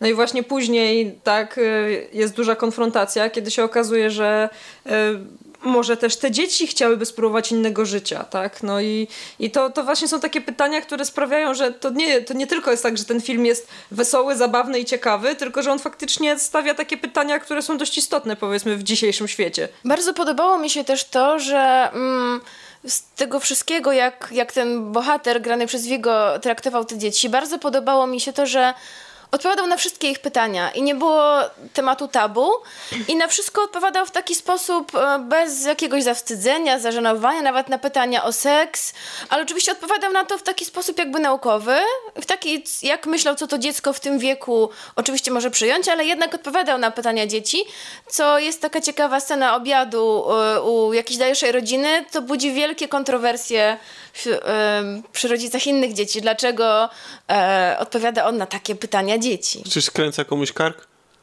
Nie, Nie. niestety. Czekałam na ten moment, ale nie. To chyba wszystko, nie? Ja jeszcze o muzyce i jeszcze Ania o Ja komiksie. chciałam powiedzieć, że ja też polecam ten film. A, myślę, że, jeszcze. myślę, że fajnie, fajnie go obejrzeć, zwłaszcza jeśli jest jeszcze w kinach, bo gdzieś tam jeszcze się pojawia, bo to jest taki ciekawy głos, y, wydaje mi się, właśnie a propos y, takiego absolutnego wycofania tak, od, od, od cywilizacji. Bardzo też szkoda, że on trochę przyszedł bez echa. Zrobiło się o nim troszkę głośniej po tym, że Viggo Mortensen został nominowany do Oscara. E, Przegrał z Casey Affleckiem, ale jednak coś tam, ktoś o nim już słyszał. E, I szkoda, że był oczywiście mm, w polskich kinach, jak to większość tych filmów, o których e, niedawno rozmawialiśmy, nawet tych nominowanych do Oscara, jakoś tak przyszedł bez echa i bardzo szybko i, i w nielicznych kinach był tylko dystrybuowany. Ale jeśli zobaczycie gdzieś na VOD czy Blu-ray, bardzo naprawdę polecam, warto, bo jest ciekawym początkiem mm, jakiejś takiej dyskusji o może o wychowaniu, o, o wartościach, o rodzinie, Myślę, że takim o Stanach Zjednoczonych. początkiem dyskusji e, o rodzinie, wychowaniu i współczesnych Stanach Zjednoczonych może być też e, gra, o której ja chciałem krótko powiedzieć, bo nie widziałem niczego w tym tygodniu, ale grałem, czy skończyłem grę. Nazywa się ona Night in the Woods i teraz, drodzy słuchacze, którzy nie jesteście zainteresowani grami, nie wyłączajcie tak pośpiesznie nas, bo jest to gra, która e, akurat jest, e, wydaje mi się, bardzo... To przys- on grał w grę na komputerze? Nie, była, jest to gra, która jest dostępna na e, konsolę PlayStation Ach, 4. Myślałam, że, ale wiem, że jest na PC, więc już liczyłam na to, że Jest nie jest też. dostępna na konsolę. A myślałam, że cię przyłapie. No. Myślałam, że cię przyłapie na taboreciarstwie, ale niestety. No. Nie, czasami siadam na taborecie też, żeby nie było, bo w końcu RTS-y na przykład, czy tam strategie się nie da. Bo ja się śmieję, ale ja, ja jestem PC Master Race. PC Master Race. No ja wolę się rozwalić na kanapie. Wiem, że, Tak, wiem, że mo- można... Kanapa Master Race. Ale byłem chory i jedyne, co, co, na co miałem ochotę, to, to miałem ochotę na odpalenie gry na konsoli i był to, była to gra Night in the Woods i jest to gra, która myślę, że może się spodobać również tym, którzy zazwyczaj w gry nie grają, bo jest bardzo mocno nastawiona na fabułę, na takie właśnie opowiadanie, tak zwany storytelling. Jest, tak, jest to tak, tak zwana gra narracyjna, czyli bardzo dużo uwagi poświęca, poświęcająca bohaterom i prowadzeniu właśnie fabuły, a mniej mechanikom, które, mm, które jej towarzyszą. Aczkolwiek one się też tam pojawiają, bo gdybym miał to sklasyfikować tą grę, to byłaby to takie połączenie przygodówki e, z troszeczkę z elementami platformówki i nie wiem, jest, jest tam odrobinę rozwiązywania zagadek, ale naprawdę bardzo prostych i jest ich bardzo niewiele i od czasu do czasu natrafiamy na minigierki, które tam gdzieś się No od dobra, siebie Tomek, różnią. ale co się stało, że w ogóle mówisz o niej tutaj, dzisiaj? Bo tak wcześniej byłeś taki uparty, że nie, tu nie będziemy mówić o grach, E, więc... Wiesz co, bo zrobiło na mnie duże wrażenie. Bo zrobiło na mnie du- duże wrażenie, bo przede wszystkim jest czymś, co e, wydaje się być bardzo świadomym i dojrzałym tworem. E, takim dziełem kultury i ja napisałem niedawno na, na naszą stronę e, tekst, felieton o tym, że brakuje mi gier, które są manifestami pokolenia, brakuje mi takiego, wiecie, wykrzyczenia do świata, jakichś takich gier, które mogłyby nastawiać buntowniczo wobec świata, tak? Że to takimi, które mo- mogłyby zastąpić muzykę czy, czy filmy i być dla współczesnego pokolenia taką platformą do wyrażania własnych emocji, stanu umysłu i tego, co oni sądzą o, o współczesnym świecie. I ta gra jest trochę odpowiedzią na to moje takie, mój zawód y, spowodowany brakiem takich gier. Ponieważ y, główna bohaterka, ja nie wiem jak się ją dokładnie wymawia jej imię, ja będę ją wymawiał Mia, chociaż sprawdziłem, że jej pełne imię to jest Margaret w ogóle, więc nie wiem... Margaret Mia. Tak, znaczy w grze nie ma dialogów czytanych. Mamy tylko tekst y, i y, mamy takie, wiecie, bl, bl, bl, takie blum, blumkanie bohaterów. E, nie mamy, nie Coś ma, jak język Simów. coś takiego, takie, tak, simlish, więc nie mamy, nie, nie mamy y, dialogów czytanych, więc nie wiem, jak się wymawia bohat- imiona bohaterów, ale no, załóżmy, że jest to Mija, przepraszam, jeśli błędnie to czytam. Jest ona e, 20-letnią byłą uczennicą koledżu, a dlatego byłą, ponieważ z, z jakichś powodów rozstaje się z koledżem i wraca do swojego rodzinnego miasta. Miasta, które do niedawna żyła, żyło i rozwijało się głównie dzięki kopalniom, które oczywiście zostały z jakichś tam powodów zamknięte. No i miasto też, y, jak tego typu miasteczka, takie małe, e, przechodzi zmiany, niekoniecznie zawsze na lepsze. Ona sama wyjechała kilka lat temu, więc y, jak po powrocie musi się zmierzyć przede wszystkim ze swoimi rodzicami, ale też i towarzyszymi jej jako gracz w spotkaniach e, z jej dawnymi znajomymi, przyjaciółmi. No i y, przeżywamy z nią kilka dni, które, podczas których jakby wdraża się na nowo e, w to, e, w to miasteczko, od którego była przez chwilę w, odłączona, będąc Ten na... początek trochę przypomina mi Life is Strange. Wiesz co, Bohaterka, która wyjeżdża, wraca i na Tak. nowo się wdraża w miasteczko. Tak, i mało tego, tu jest bardzo dużo elementów, które tą grę przypominają, bo em, po powrocie okazuje się, że jeden z em, jej, ich znajomych zaginął, No tak. a cała, a cała atmosfera mm, gry i em, oprócz tej warstwy takiej socjologicznej, psychologicznej, po prostu bycia opowieścią mm, społeczną, jakoś tam bycia opowieścią obyczajową przede wszystkim. No, szkoda, że w 2017 roku nadal takie opowieści w grach muszą być, y, sięgać po jakieś takie, wiecie, elementy gatunkowe, tak, żeby się jednak gdzieś tam przedostać do szerszej publiki i ona jest oczywiście mm, pociągnięta taką warstwą horroru, thrillera, mamy elementy być może nadprzyrodzone, główna bohaterka mm, przeżywa, my w niej jako interaktywnie uczestniczymy sny, e, które są Ale pełne uważasz, niepokoju i straszydeł. Wiesz co, to nie jest tak, że one tutaj nie grają, bo mi się atmosfera tej opowieści bardzo podobała i pasują do tej Mhm. opowieści, to w jaki sposób ona została e, nam przedstawiona, natomiast e, nie wiem, czy to nie jest trochę czas, żeby opowiadać już e, opowieści obyczajowe bez tego. Że, że tak samo jak Life is Strange. Ona, Life is Strange opowiada o wielu problemach wieku młodzieńczego, właśnie o, o powrocie, o, mm, o konsekwencji własnych działań. Ale oczywiście musiało być opowieścią fantazy, science fiction, no, jakieś, jakąś taką tym, tym, czy, czymś nadprzyrodzonym, gdzieś tam te, te wątki musiały się, się, się, się przenikać po to, żeby się sprzedać. I ja nie mówię, że to jest źle, bo w Life is Strange mi się ten wątek też podobał. Wypadał on o wiele lepiej niż w pewnym filmie sprzed lat, z pewnym byłym e, mężem e, pewnej aktorki, która z kolei była żoną e, Bruce'a Willisa przez jakiś czas. Jezu! E, pewnym byłem... że- Butterfly... E, efekt motyla? Tak, tak, tak. Też doszłam do tego. E, Malwina, żółwik. I nawet, i nawet w, e, w grze Gone Home, która jest e, bardzo obyczajową opowieścią, też sięgnięto po elementy horroru, thriller, thrillera, thrillera i atmosferę grozy w pewnych momentach po to, żeby nas Ale tam to była tylko atmosfera, tak Znaczy, znaczy, ale był to element narracji, Takiego ale właśnie. się nie działo. No ale to było jeszcze kilka lat temu i to było takie granie z widzem. Zresztą Firewatch.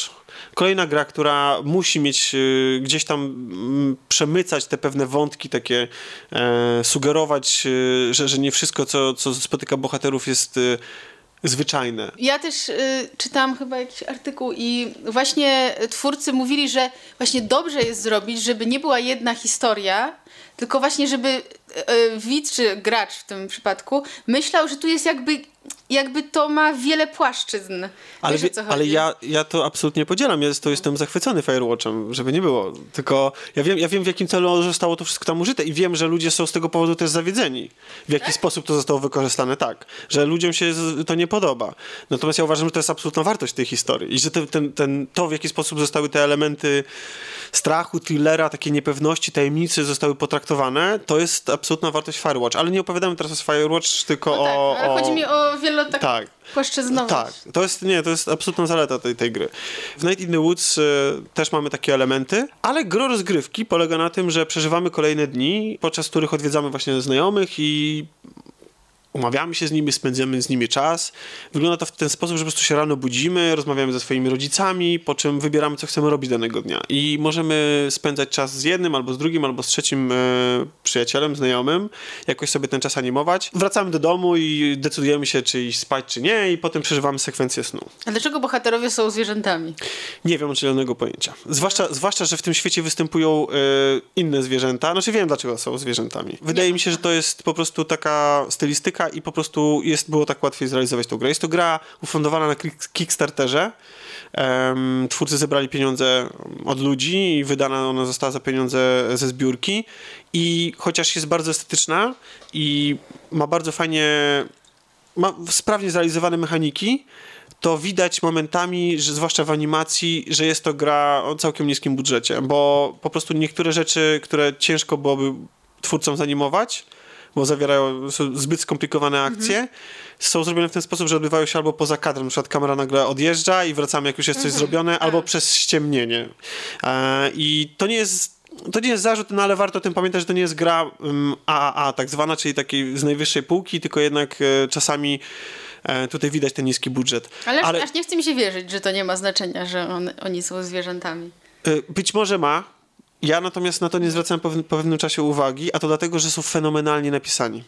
Że e, ci jej znajomi, rodzice i dialogi, to w jaki sposób są napisane, powoduje, że natychmiast wsiąkamy w tę opowieść. I A mnie jedno zaintrygowało, co napisałeś chyba na naszej grupie, e, że denerwuje cię Tak, główna właśnie- bohaterka, ale że to cię zachęca do grania, a Tak. nie zniechęca. Właśnie, bo na- najpierw opowiem o jej znajomych.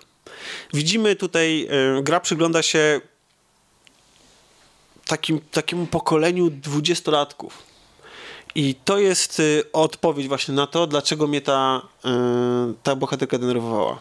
Bo to nie jest osoba, którą moim zdaniem w moim wieku, bo to nie jest gra o nas, o 30-latkach, o mnie, tylko właśnie o współ- współczesnych 20-latkach, ona po prostu może denerwować. Jej postawa mm, życiowa wobec świata, pewna aro- arogancja, pewny taka... Mm, ona jest czasami nie, nieprzyjemna w obyciu i to w jaki sposób ona się zwraca do rodziców, to w jaki sposób e, zwraca się do innych dorosłych, w jaki sposób traktuje niektórych ludzi, e, jest, było no, nieprzyjemne. Znaczy, czasami jest wulgarna, y, z, zupełnie bez potrzeby. Czasami jest po prostu, ona sama siebie nazywa, określa w pewnym momencie I am a jerk, tak? Czy jestem, nie wiem, palantem.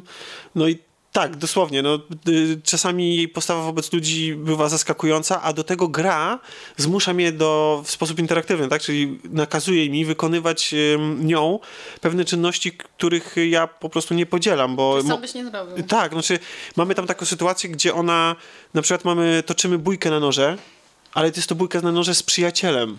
Ojej. Autentycznie. Biorą no, noże do ręki i, po, i zabawa polega na tym, że sobie ranią dłonie. I kto dłużej wytrzyma, na tym to polega. O, Tak. I t- chciałem powiedzieć, że to nie jest żadna patologia. Znaczy nie przyglądamy się, przyglądamy się różną, różnym warstwom społecznym w tej grze, ale jej rodzice są zupełnie normalni, zu- zupełnie to, to środowisko jest zupełnie normalne i jej matka pracuje na przykład w kościele, więc, y, więc y, jest, to, jest to dziwna zabawa, a gra też na przykład, y, jest jedna z sekwencji, zdradzę, to nie jest żaden spoiler, bo nie, nie mówię o kontekście, na przykład musimy zniszczyć nagrobek taki normalny nagrobek czyjś, musimy to był taki, to był jedyny moment, w którym ja się w tej grze zaciąłem, bo y, bohaterka mówi, że musi coś tam wykonać i ja biegałem po cmentarzu i szukałem odpowiedzi, czy muszę coś kliknąć, czy muszę coś zrobić, a się okazuje, że to, co muszę zrobić, to muszę skoczyć na nagrobek kilka razy. I w życiu. I, I musiałeś konkretnie, to nie mogłeś nic innego, tak? Tak, i, tak, i pomysły, jakie ona ma, i czasami rozwiązania z sytuacji są naprawdę absurdalne, nai- znaczy nie naiwne, tylko e, strasznie takie właśnie niedojrzałe. Ale o ile jeszcze, ja nawet w wieku 20 lat w życiu nie wymyślił zniszczenia nagrobka, ani takich tego typu zabaw. I nie wiem, czy to jest domena dzisiejszej młodzieży, ale to, to wszystko Ale znajduje... właśnie ale to, to jest problem, to jest problem też, e, czy chcemy pokazać graczowi em, tą postać bardziej, czyli to, jakie ona ma wybory, czy bardziej chcemy, żeby on się odnalazł tak, w tej postaci. w no jakiej nie? roli To jest, występuje ten gracz? no i tutaj mamy dysonans dosyć Ma, ma, mamy dysonans z tego powodu. ym, to nie jest zarzut do tej gry. To jest w ogóle dla mnie taki. A to nie jest w ogóle na, na, na ten podcast rozmowa. w- w bo, ogóle gier Tak, ja, bym- często, ja bym chciał prawda? zresztą poruszyć go y, w jakimś tam następnym odcinku konfiguracji własnej, bo dla mnie. Gry powinny, y, dochodzą do takiego momentu, że powinny trochę się zdecydować i od razu jasno określać, w jakiej sytuacji stawiają gracza. Czy jest aktorem odtwarzającym pewną rolę, No tak. czy jest aktorem odtwarzającym siebie i Czy twórcą jakby czy, czy twórcą No. wydarzeń. W tym wypadku tu, tu jest, jest troszeczkę, ym, to jest troszeczkę zachwiane, bo ja na przykład jako gracz nie rozumiem jej zachowania. Mhm. E, natomiast miałbym o to pretensje, gdyby nie to, że gra ostatecznie je wyjaśnia. Wyjaśniaj, Mało tak? tego, ona, ta gra o tym jest, ona o tym opowiada. Aha. Ona opowiada o pewnej próbie dopasowania siebie do rzeczywistości, do wymagań społecznych, o próbie określenia s- własnego ja i o tym, w jaki sposób wypadamy przy tej próbie, no bo to jest 20-letnia osoba, z jednej strony jest dorosła, a z drugiej strony jest jeszcze, jeszcze być może nie do końca określona, jeszcze być może szuka. I tam są te wątki bardzo mocno przebijają, zwłaszcza w końcówce. I przez to, że poznajemy różne postawy życiowe naszych znajomych, bo jeden, jej najlepszy przyjaciel, e, gay, e, zresztą jego partnera też poznajemy. I A oni jak wygląda? W sensie je, jest lisem. zwierzę? Jest, Lisem, a. jest lisem, tak. Jest, Ciekawe. jest fenomenalnym kumplem. G- poza paroma głupimi pomysłami, ale doskonale wpisującymi się w tą paczkę, jest po prostu e, świetnie się z nim rozmawia. Mają ich rozmowy w ogóle razem, e, to jak, w jaki sposób się wobec siebie zachowują. To jest coś fantastycznego. On jest świetnie napisany. Zresztą y, sama Mia też jest pod koniec, y, jak już Może poz- dlatego ona jest motyw- kotem, bo jest taka wredna właśnie. Być może. Ja naprawdę nie... W pewnym momencie przestałem się doszukiwać. y, Może to być może jak w bajkach La Fontaine'a, że każdy No. jakiś symbolicznie ma jakieś Nie przeczę, cechy że, nie, przypisane. nie, nie przeczę, że tak Albo jest. Or- Orwella. U Orwella, tak. Ja, Tak, nie, nie tak. przeczę, że tak jest, ale gra daje nam dużo innych tropów i wolałem się na nich skupić. S- Tam jest pełno symboliki, pełno wydarzeń, których znaczenia nie jesteśmy pewni, zwłaszcza podczas snów. Spotykamy czasami postacie typu na przykład takich trzech e, dzieciaków gotów, którzy mówią naprawdę takim, wiecie, takim kiczowatym, w takim kiczowatym sposób opowiadają o rzeczywistości, są tacy bardzo pochłonięci przez tą mroczną stronę rzeczywistości i w ogóle e, zgrywają się ze wszystkiego, ale w, to, w ten taki typowy dla siebie sposób. Na przykład mają taką, taki, mm, taką formę wypowiadania się, że zawsze występują w trójkach i zawsze ob, mówią o jakiejś rzeczy w odpowiedniej kolejności. Czyli najpierw jeden, wie- w najpierw jeden mówi... animacjach e, jest ten trik zastosowany. Tak. Że są na przykład jesteś bliźnia, bliźniaki, bliźniacy? Zmienia to? Bliźniacy. Bliźniacy, no i właśnie i, i jeden dopowiada zawsze e, to, co pierwszy powiedział. Tak, no więc y, mm, mamy tam też takie interesujące. Znaczy w ogóle cała gra jest wypełniona tymi interesującymi postaciami i, i to przy tej grze trzyma. Natomiast y, to, co może w pewnym momencie znużyć, to jest to, że faktycznie, ale to wydaje mi się, że to jest zabieg celowy, to jest świadome za- e, skonstruowanie gry w ten sposób, że po prostu przeżywamy każdy kolejny dzień i on wygląda właściwie trochę tak samo. Budzimy się, schodzimy, rozmawiamy z rodzicem, idziemy na miasto, wybieramy z kim chcemy spędzić ten czas, bo w ogóle później, jak ja skończyłem tą grę i zacząłem szukać materiałów na temat tej gry w internecie, to się okazało, że trafiłem na materiały, które pokazywały mi zupełnie inne fragmenty gry niż ja je widziałem. Czyli jest duży potencjał na powtarzanie Nie wiem, gry? ale gra widocznie nie oszukuje cię, że masz wybór. To znaczy, że w momencie, kiedy wybierasz, że chcesz spędzić osobę ze swoim najlepszym przyjacielem, a nie na przykład z jego chłopakiem, albo na przykład z, z taką, ze swoją znajomą, bo oni w ogóle jeszcze wszyscy razem mają e, y, kapelę i próbują grać. Nasza bohaterka gra na basie. Znaczy, gra. Gra tak jak my y, jej zagramy, bo to akurat tutaj się akurat uruchamia minigierka z Guitar Hero. E, I ona jest naprawdę trudna. To znaczy, nie wiem, czy ja dawno, dawno grałem w tego typu gry, ale są takie sekwencje, takie piosenki, które naprawdę ciężko, ciężko wykonać i tam niestety ona nie jest zachwycona. W ogóle oprócz tego wszystko, y, kogokolwiek nie spotkamy, jakąkolwiek sytuację nie przeżyjemy, to, mm, e, to, to, to ona notuje to wszystko w swoim w swoim pamiętniku, a ten pamiętnik z kolei jest zalecony jej przed lekarza, ponieważ ona jeszcze przed wyjazdem sprawiała bardzo dużo problemów. Miała problemy z agresją, potrafiła kogoś pobić, e, ale też wielu ludzi ma do niej pretensje, na przykład się okazuje złodziejką, e, no tam, że tam kogoś okradła, więc to jest taka osoba mocno nieprzystosowana do, do, do, do, tej, do tej społeczności. A z drugiej strony, no, ja- jakoś ją tam w jakiś tam sposób lubimy, no. Jest, y, może to właśnie wynika z tego właśnie, z tej różnicy wieku, że Nie, chyba nie. Chyba ona po prostu jest dziwną osobą. Może, ale, ale jest to w jakiś tam sposób wytłumaczone i to wytłumaczenie ja kupuję. Ludzie mają pretensje i trochę źle oceniają samo zakończenie gry. I to, jak w jaki sposób, yy, bo tam są, pojawiają się wątki kryminalne, bo na przykład główni bohaterowie znajdują kawałek ręki. Czyjś, takiej oberwanej ręki, tak na ulicy normalnie leżących, a to jest dopiero początek, bo później rzeczy czasami, e, znaczy cała intryga i w ogóle rzeczy się, e, zaczynają się dziać coraz dziwniejsze rzeczy, tak? Nasza bohaterka widzi różne postacie i różne wydarzenia i później sama się bierze przykład za rozwiązanie ich i za śledztwo. E, z pomocą oczywiście A czy to znajomych. nie jest tak... Ja się cały czas zastanawiam, jak opowiadasz o tej grze, że ona tak przyjeżdża do tego miasteczka i w ogóle nie, nie ma sensu, nie ma żadnego celu. Tak, ale wiesz dlaczego nie ma. Wiesz co, ja bym chciał strasznie usłyszeć opinię o tej grze e, ludzi y, w wieku 20 lat. Bo dla mnie, ja na przykład z każdym kolejnym dniem, kiedy ona nie chciała swoim rodzicom powiedzieć, w jaki sposób doszło do tego, że ona rzuciła albo koledż. z- została wyrzucona z tego koledżu. E, To, że ona, na przykład w pewnym momencie rodzice, czy to jest oczywiste, dają jej do zasygnalizowania, że słuchaj, jak już chcesz u nas zostać, To znajdź sobie pracę Znajdź sobie pracę, a nie tak, że codziennie biegasz do znajomych i spędzasz z nimi czas. No tak. To było zupełnie naturalne. Ja nawet się zastanawiałem, dlaczego tak późno oni o tym wspominają. E, dlatego, że po prostu jestem starszy. I dlatego, że jestem już tą osobą, która, e, która, która występuje z pozycji tego, że tego społeczeństwa, które może czegoś oczekiwać od młodszych osób. No, nie jestem jeszcze, jeszcze taki stary, nie? Ale, ale, to jest, ale to jest, ta gra mi dała właśnie taką, taki dała mi możliwość zmierzenia się z, to, z tą postawą tych młodych ludzi i przypomnienia sobie czasami o, o, o swojej postawie, o tym, co ja sam myślałem.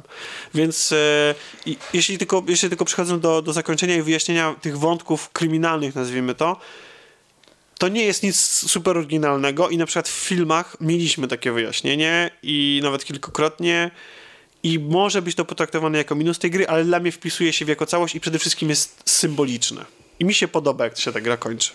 Bo to się wpisuje w wymowę całości i sprawia, że ta gra jest o czymś. Że jest, tak jak właśnie powiedziałem, tą opowieścią o dojrzewaniu, o konfrontacji nas samych z, ze, ze społecznością, z, z otoczeniem.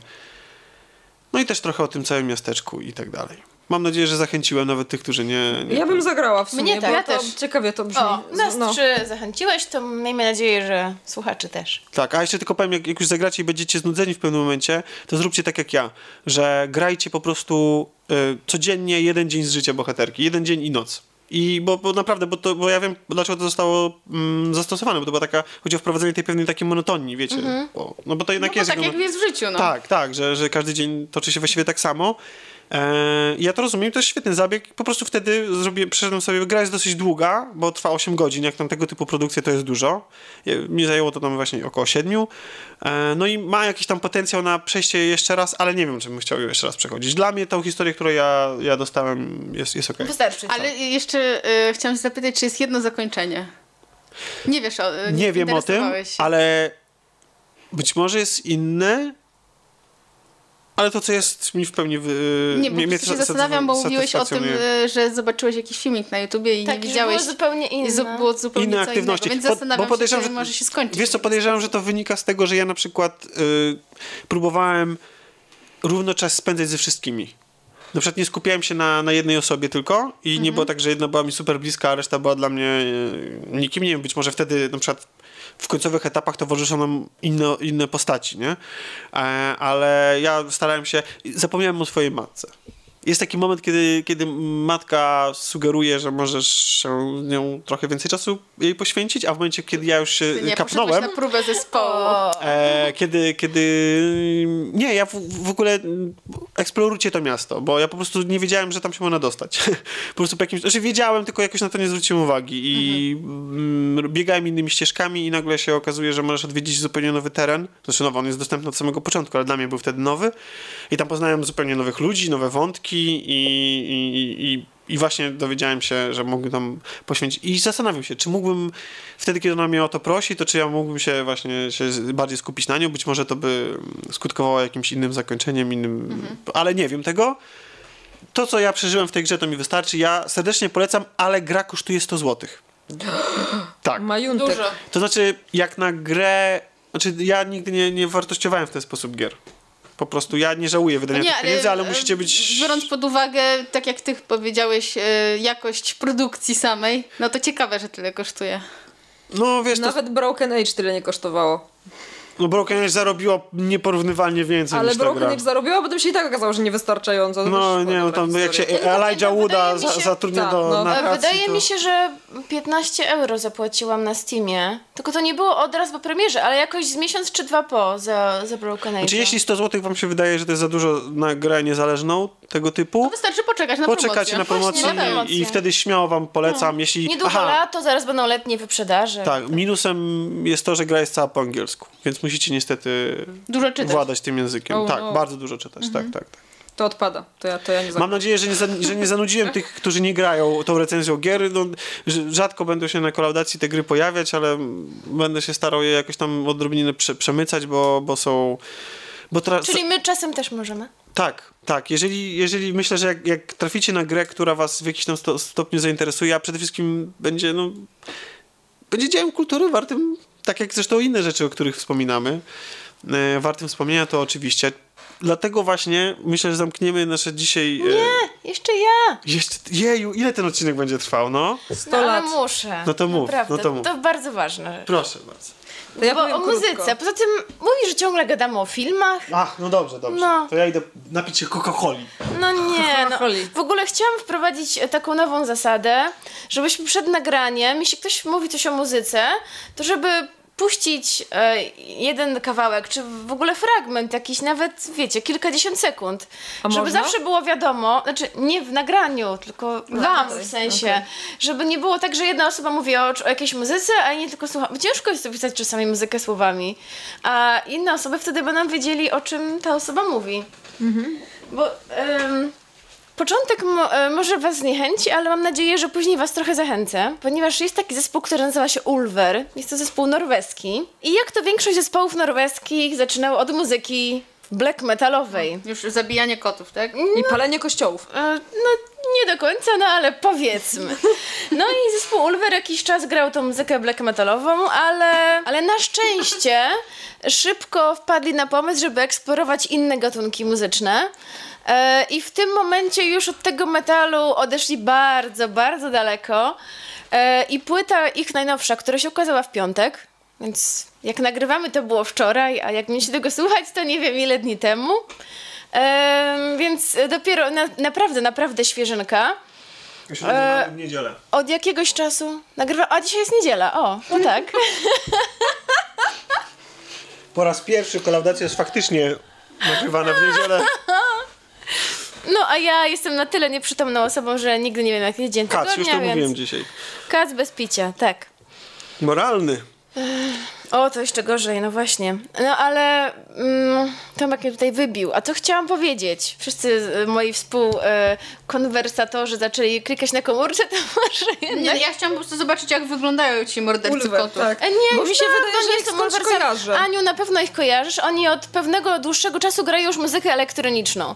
A ich nowy album, który się okazał, jest w ogóle bardzo popowy i powiedziałabym, że przypomina on mocno Depeche Mode. O. E, I może postronnym osobom się bardzo z Depeche skojarzyć, ale jest świetny. Naprawdę polecam wam. Tytuł tego albumu to The, The Assassination of Julius Caesar. Widzę, że jest na Spotify'u już. Jest na Spotify już od piątku. Czy jest, czy jest E, utwór polecam zatytułowany i ty was- Brutusie? E, nie, nie ma takiego utworu, ale e, naprawdę polecam, bo e, jest to zespół, który, który wielokrotnie mnie osobiście zaskoczył. Przez kilka ostatnich lat oni grali taką może trochę mniej przystępną e, muzykę, bo to bardziej takie jakieś ambienty, drony i takie różne elektroniczne eksperymenty. ja już wiem, skąd ja ich znam. Grali też muzyką filmową. Jest oni, e, był taki film Lycantropen, zdaje mi się, do którego, do którego oni stworzyli muzykę. Więc naprawdę e, można powiedzieć, że współuniwersalny. A ta jak nowa płyta, no posłuchajcie, naprawdę, myślę, że skojarzenie z Depeche Mode nie jest przypadkowe. E, Są takie momenty, szczególnie pod koniec wydaje mi się drugiego utworu, kiedy oni na moment tak odjeżdżają w trochę takie dysonanse. Milena może czuć się Malwina poddenerwowana, bo mówiła, że nie lubi takich, nie lubi jak są takie dysonansowe, dysharmoniczne brzmienia, że czuje się wtedy taka No tak. poddenerwowana, ale to tylko tak moment, bo oni grali taką muzykę przez dłuższy czas, taką trochę zahaczającą o jazz, też może elektronika, jazz, takie różne dziwne klimaty, ale mm, to są tylko fragmenty i naprawdę jest to bardzo fajna, melodyjna, przebojowa muzyka do radia. E, Czym jestem zdziwiona, ale bardzo pozytywnie. I powiem wam, że autorytety, um, autory- autorytety muzyczno-dziennikarskie e, mówią też, że są bardzo na tak. A co, co, na, tak, co nasz ja. autorytet y, Zdan mówi na ten temat? Nie wiem, bo Zdan gdzieś tam się przez cały weekend rozbija, więc nie Po Łodzi. rozmawiałam z nim na ten temat, ale mm, kilku moich znajomych widzę, że bardzo, bardzo się zachwyca. No polecam sprawdzić. Polecam sprawdzić samemu. Ulver No na też Spotify dziwne, bo zazwyczaj takie, takie rzeczy, złagodzenie przekazu Tak, czasami... wiąże się z, z takim buntem fanów, nie? Mm, ale to chyba chodzi o takich, wiesz, takich true fanów, którzy są zaślepieni bardzo i, i mają klapki na oczach. Jednak e, e, osoba, która ma jakieś tam, wiesz, szersze horyzonty, myślę, że nie, mm, nie ma nic przeciwko Okej. takim jakimś e, zmianom, nawet jeśli są tak mocne, jak w przypadku tego zespołu, który był bardzo alternatywny i nagle pojawia się coś, co można rozpatrywać w kategoriach popu i muzyki radiowej w ich brz- brzmieniu i rzeczywiście, tak jak powiedziałeś, niektórzy fani mogliby poczuć się zdradzeni, ale na szczęście ludziom się podoba.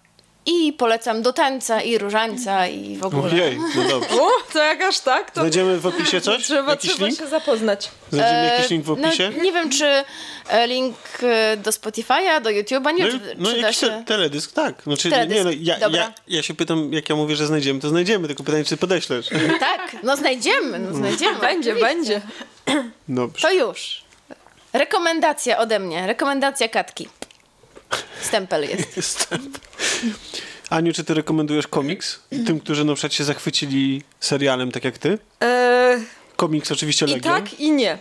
Bo warto powiedzieć, że ten komiks, który ja czytałam, to to jest tylko jeden z, z to jest tylko jedna z serii w cudzysłowie, w których pojawia się Legion, bo tak naprawdę on nie ma takiego swojego typowego story arku, jak większość mutantów wśród X-Menów, czy tam uniwersum Marvelowego. Tak, to poczekaj, to wiesz co? Wiesz, jak- przepraszam, że ci przerwę, ale bo teraz będziemy opowiadać o komiksie i być, jeżeli nic nie chcecie wiedzieć na temat Legionu i w ogóle nic nie chcecie wiedzieć... Legiona. Na, na, Legiona.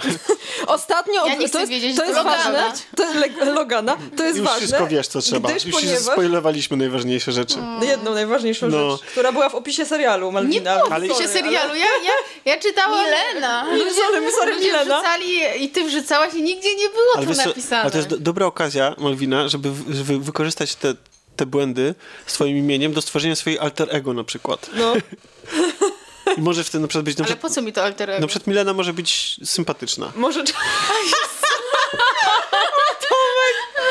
Aleś dowalił po prostu to.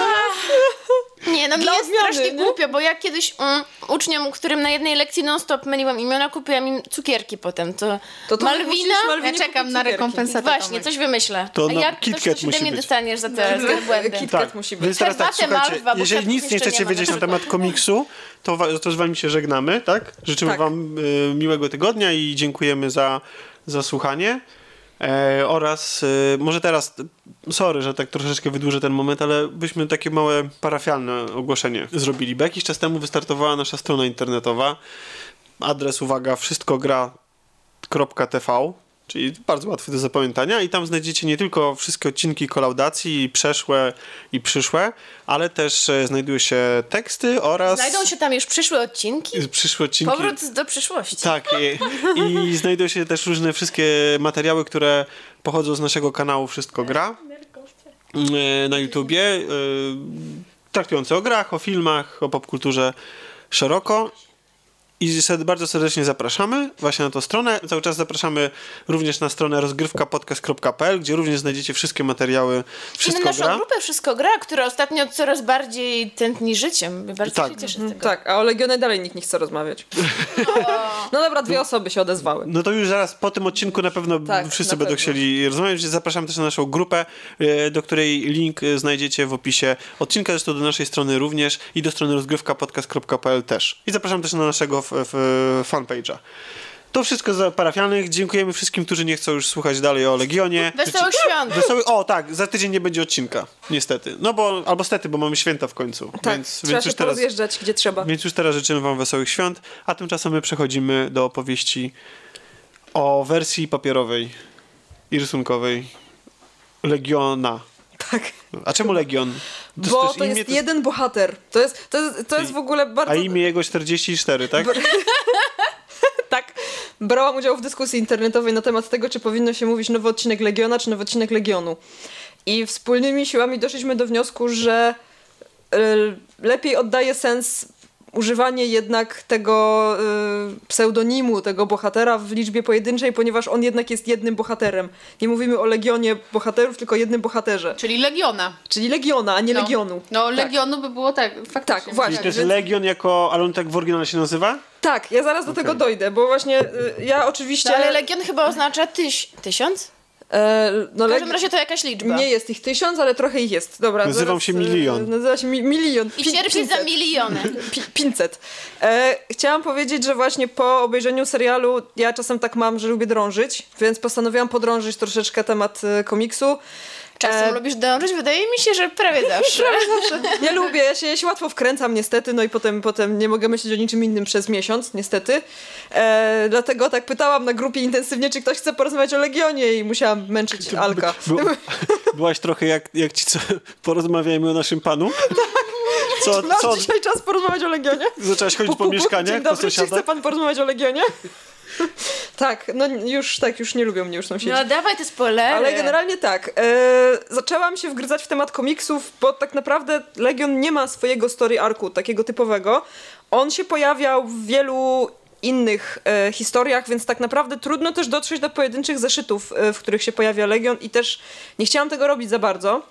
To, co udało mi się znaleźć w miarę bezproblemowo i, i też e, wam też nie powinno sprawić problemu, żeby do tego dotrzeć, gdybyście faktycznie chcieli się zapoznać z tą historią, to jest historia, która się pojawiała w ramach e, cyklu X-Men Legacy.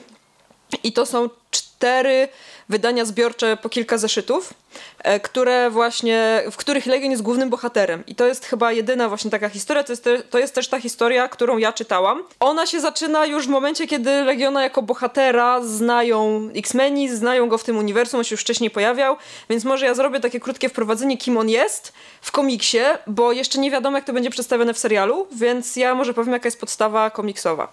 Podstawa komiksowa jest taka, że Legion jest synem Charlesa Xaviera, uwaga, uwaga, nikt się tego nie spodziewał, Ale poczekaj, profesora ale i, X. i, ale i i e, to była chyba... A, nie chciałeś I Magneto! I magnet adoptowali. Nie, nie, nie. To był taki słaby dowcip, który gdzieś widziałam w internecie. Na pewno E, jest jakiś fanfic, który to na, tłumaczy. Na pewno jest jakiś fanfic, który to tłumaczy.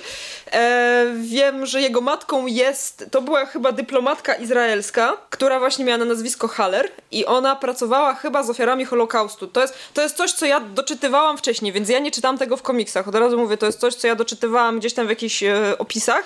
Bo wynalezienie tego w konkretnych zeszytach niestety było niemożliwe yy, dla mnie, a nie chciałam ich po prostu ściągać z torrentów, więc stwierdziłam, że po prostu to doczytam. I tak naprawdę Legion, czyli David Haller, przez większą część swojego życia pozostawał w śpiączce, ponieważ on tak naprawdę ma bardzo wiele różnych mocy. W pewnym etapie jego życia w wyniku traumy, bo był, brał udział w ataku terrorystycznym, czy był ofiarą ataku terrorystycznego, No może tak? E, znaczy to właśnie, no to, jest, to nic tam nie jest takie oczywiste, bo on był ofiarą ataku terrorystycznego, w wyniku którego e, zaabsorbował tak naprawdę umysły wszystkich, którzy w nich zginęli, w związku z czym zapadł w śpiączkę, bo to był dla niego taki szok. I zaabsorbował też umysł jednego z terrorystów, właśnie tego przywódcy terrorystów, którzy tam e, przyczynili się do tego ataku. I później tak naprawdę e, Legion to jest po prostu mutant, który ma wiele osobowości. Później w trakcie trwania całej historii jakoś pomagają mu troszeczkę inni ludzie tam powiedzmy z zewnątrz troszeczkę to opanować, bo on zawsze jak się pojawia, to mąci. Jeżeli się pojawia właśnie poza swoim tym głównym wątkiem, nawet jak się pojawia w tym głównym wątku, to on zawsze mąci. On nie potrafi kontrolować swojej mocy. On generalnie mówi się o nim, że jest najpotężniejszym mutantem żyjącym na Ziemi, bo ma tych mocy setki. I w pewnym momencie właśnie wygląda to tak, że on wewnątrz swojej głowy, każdy z tych ka- każda z tych mocy jest inną osobowością. I żeby przejąć jakąś moc, on musi ją pokonać. Czyli one przyjmują różne y, postaci, jakichś tam potworów, jakichś osób i on tak naprawdę wewnątrz swojej głowy musi stoczyć walkę z tą mocą, w cudzysłowie, w jakiejś tam formie. tylko, tak? tak, to się, on, to się nie dzieje, jakby to się dzieje wszystko w jego głowie. I w momencie, kiedy pokona tego potwora, to przejmuje tą moc i może z niej korzystać. Ale na zawsze, czy, czy Tak. czasowo? Na zawsze. Ja, ale to fajne, bo E, to no, można... Ale to jest tak jak ruda, tylko lepiej. jak sobie, Tak, jak, dokładnie. Dlatego się mówi jak ruda, właśnie, czyli... że... Chciałam powiedzieć, że coś takiego było w Tormencie. Tak. Tak, właśnie chciałam do tego, z- ale to tak. Do tego Torment, czyli gra wideo. Czyli Komputerowa, gra- przepraszam. Była nie, taka wideo gra, też. tak. była, była taka gra, tak. E, I tak naprawdę ten wątek, e, te, te zeszyty, które ja czytałam, to jest historia z jednej strony bardzo wesoła, z drugiej bardzo smutna, nie mająca nic wspólnego z tym, co się dzieje w serialu. Chciałam tylko powiedzieć, że owszem, e, główny czarny charakter, który pojawia się w serialu, pojawia się w komiksach o Legionie, ale w zupełnie innym kontekście i w zupełnie inny sposób. Więc y, może nie będę mówić kto to, bo jak ktoś jeszcze nie widział, bo to się tak naprawdę pod koniec wyjaśnia, kto tam jest czarnym charakterem i jak on się manifestuje, więc może nie będę o tym mówić. Ale w tym wątku akurat, z którym ja się zapoznawałam teraz, te komiksy muszę przyznać, że poza tym, że mają absolutnie przepiękne okładki, naprawdę jedne z najładniejszych i najbardziej pomysłowe, jakie widziałam, pokażę wam po nagraniu, bo wszystkie sobie zapisuję. Bardzo łatwo jest też dotrzeć do tych zeszytów, bo one są dostępne na Comixology w takim zbiorczym wydaniu.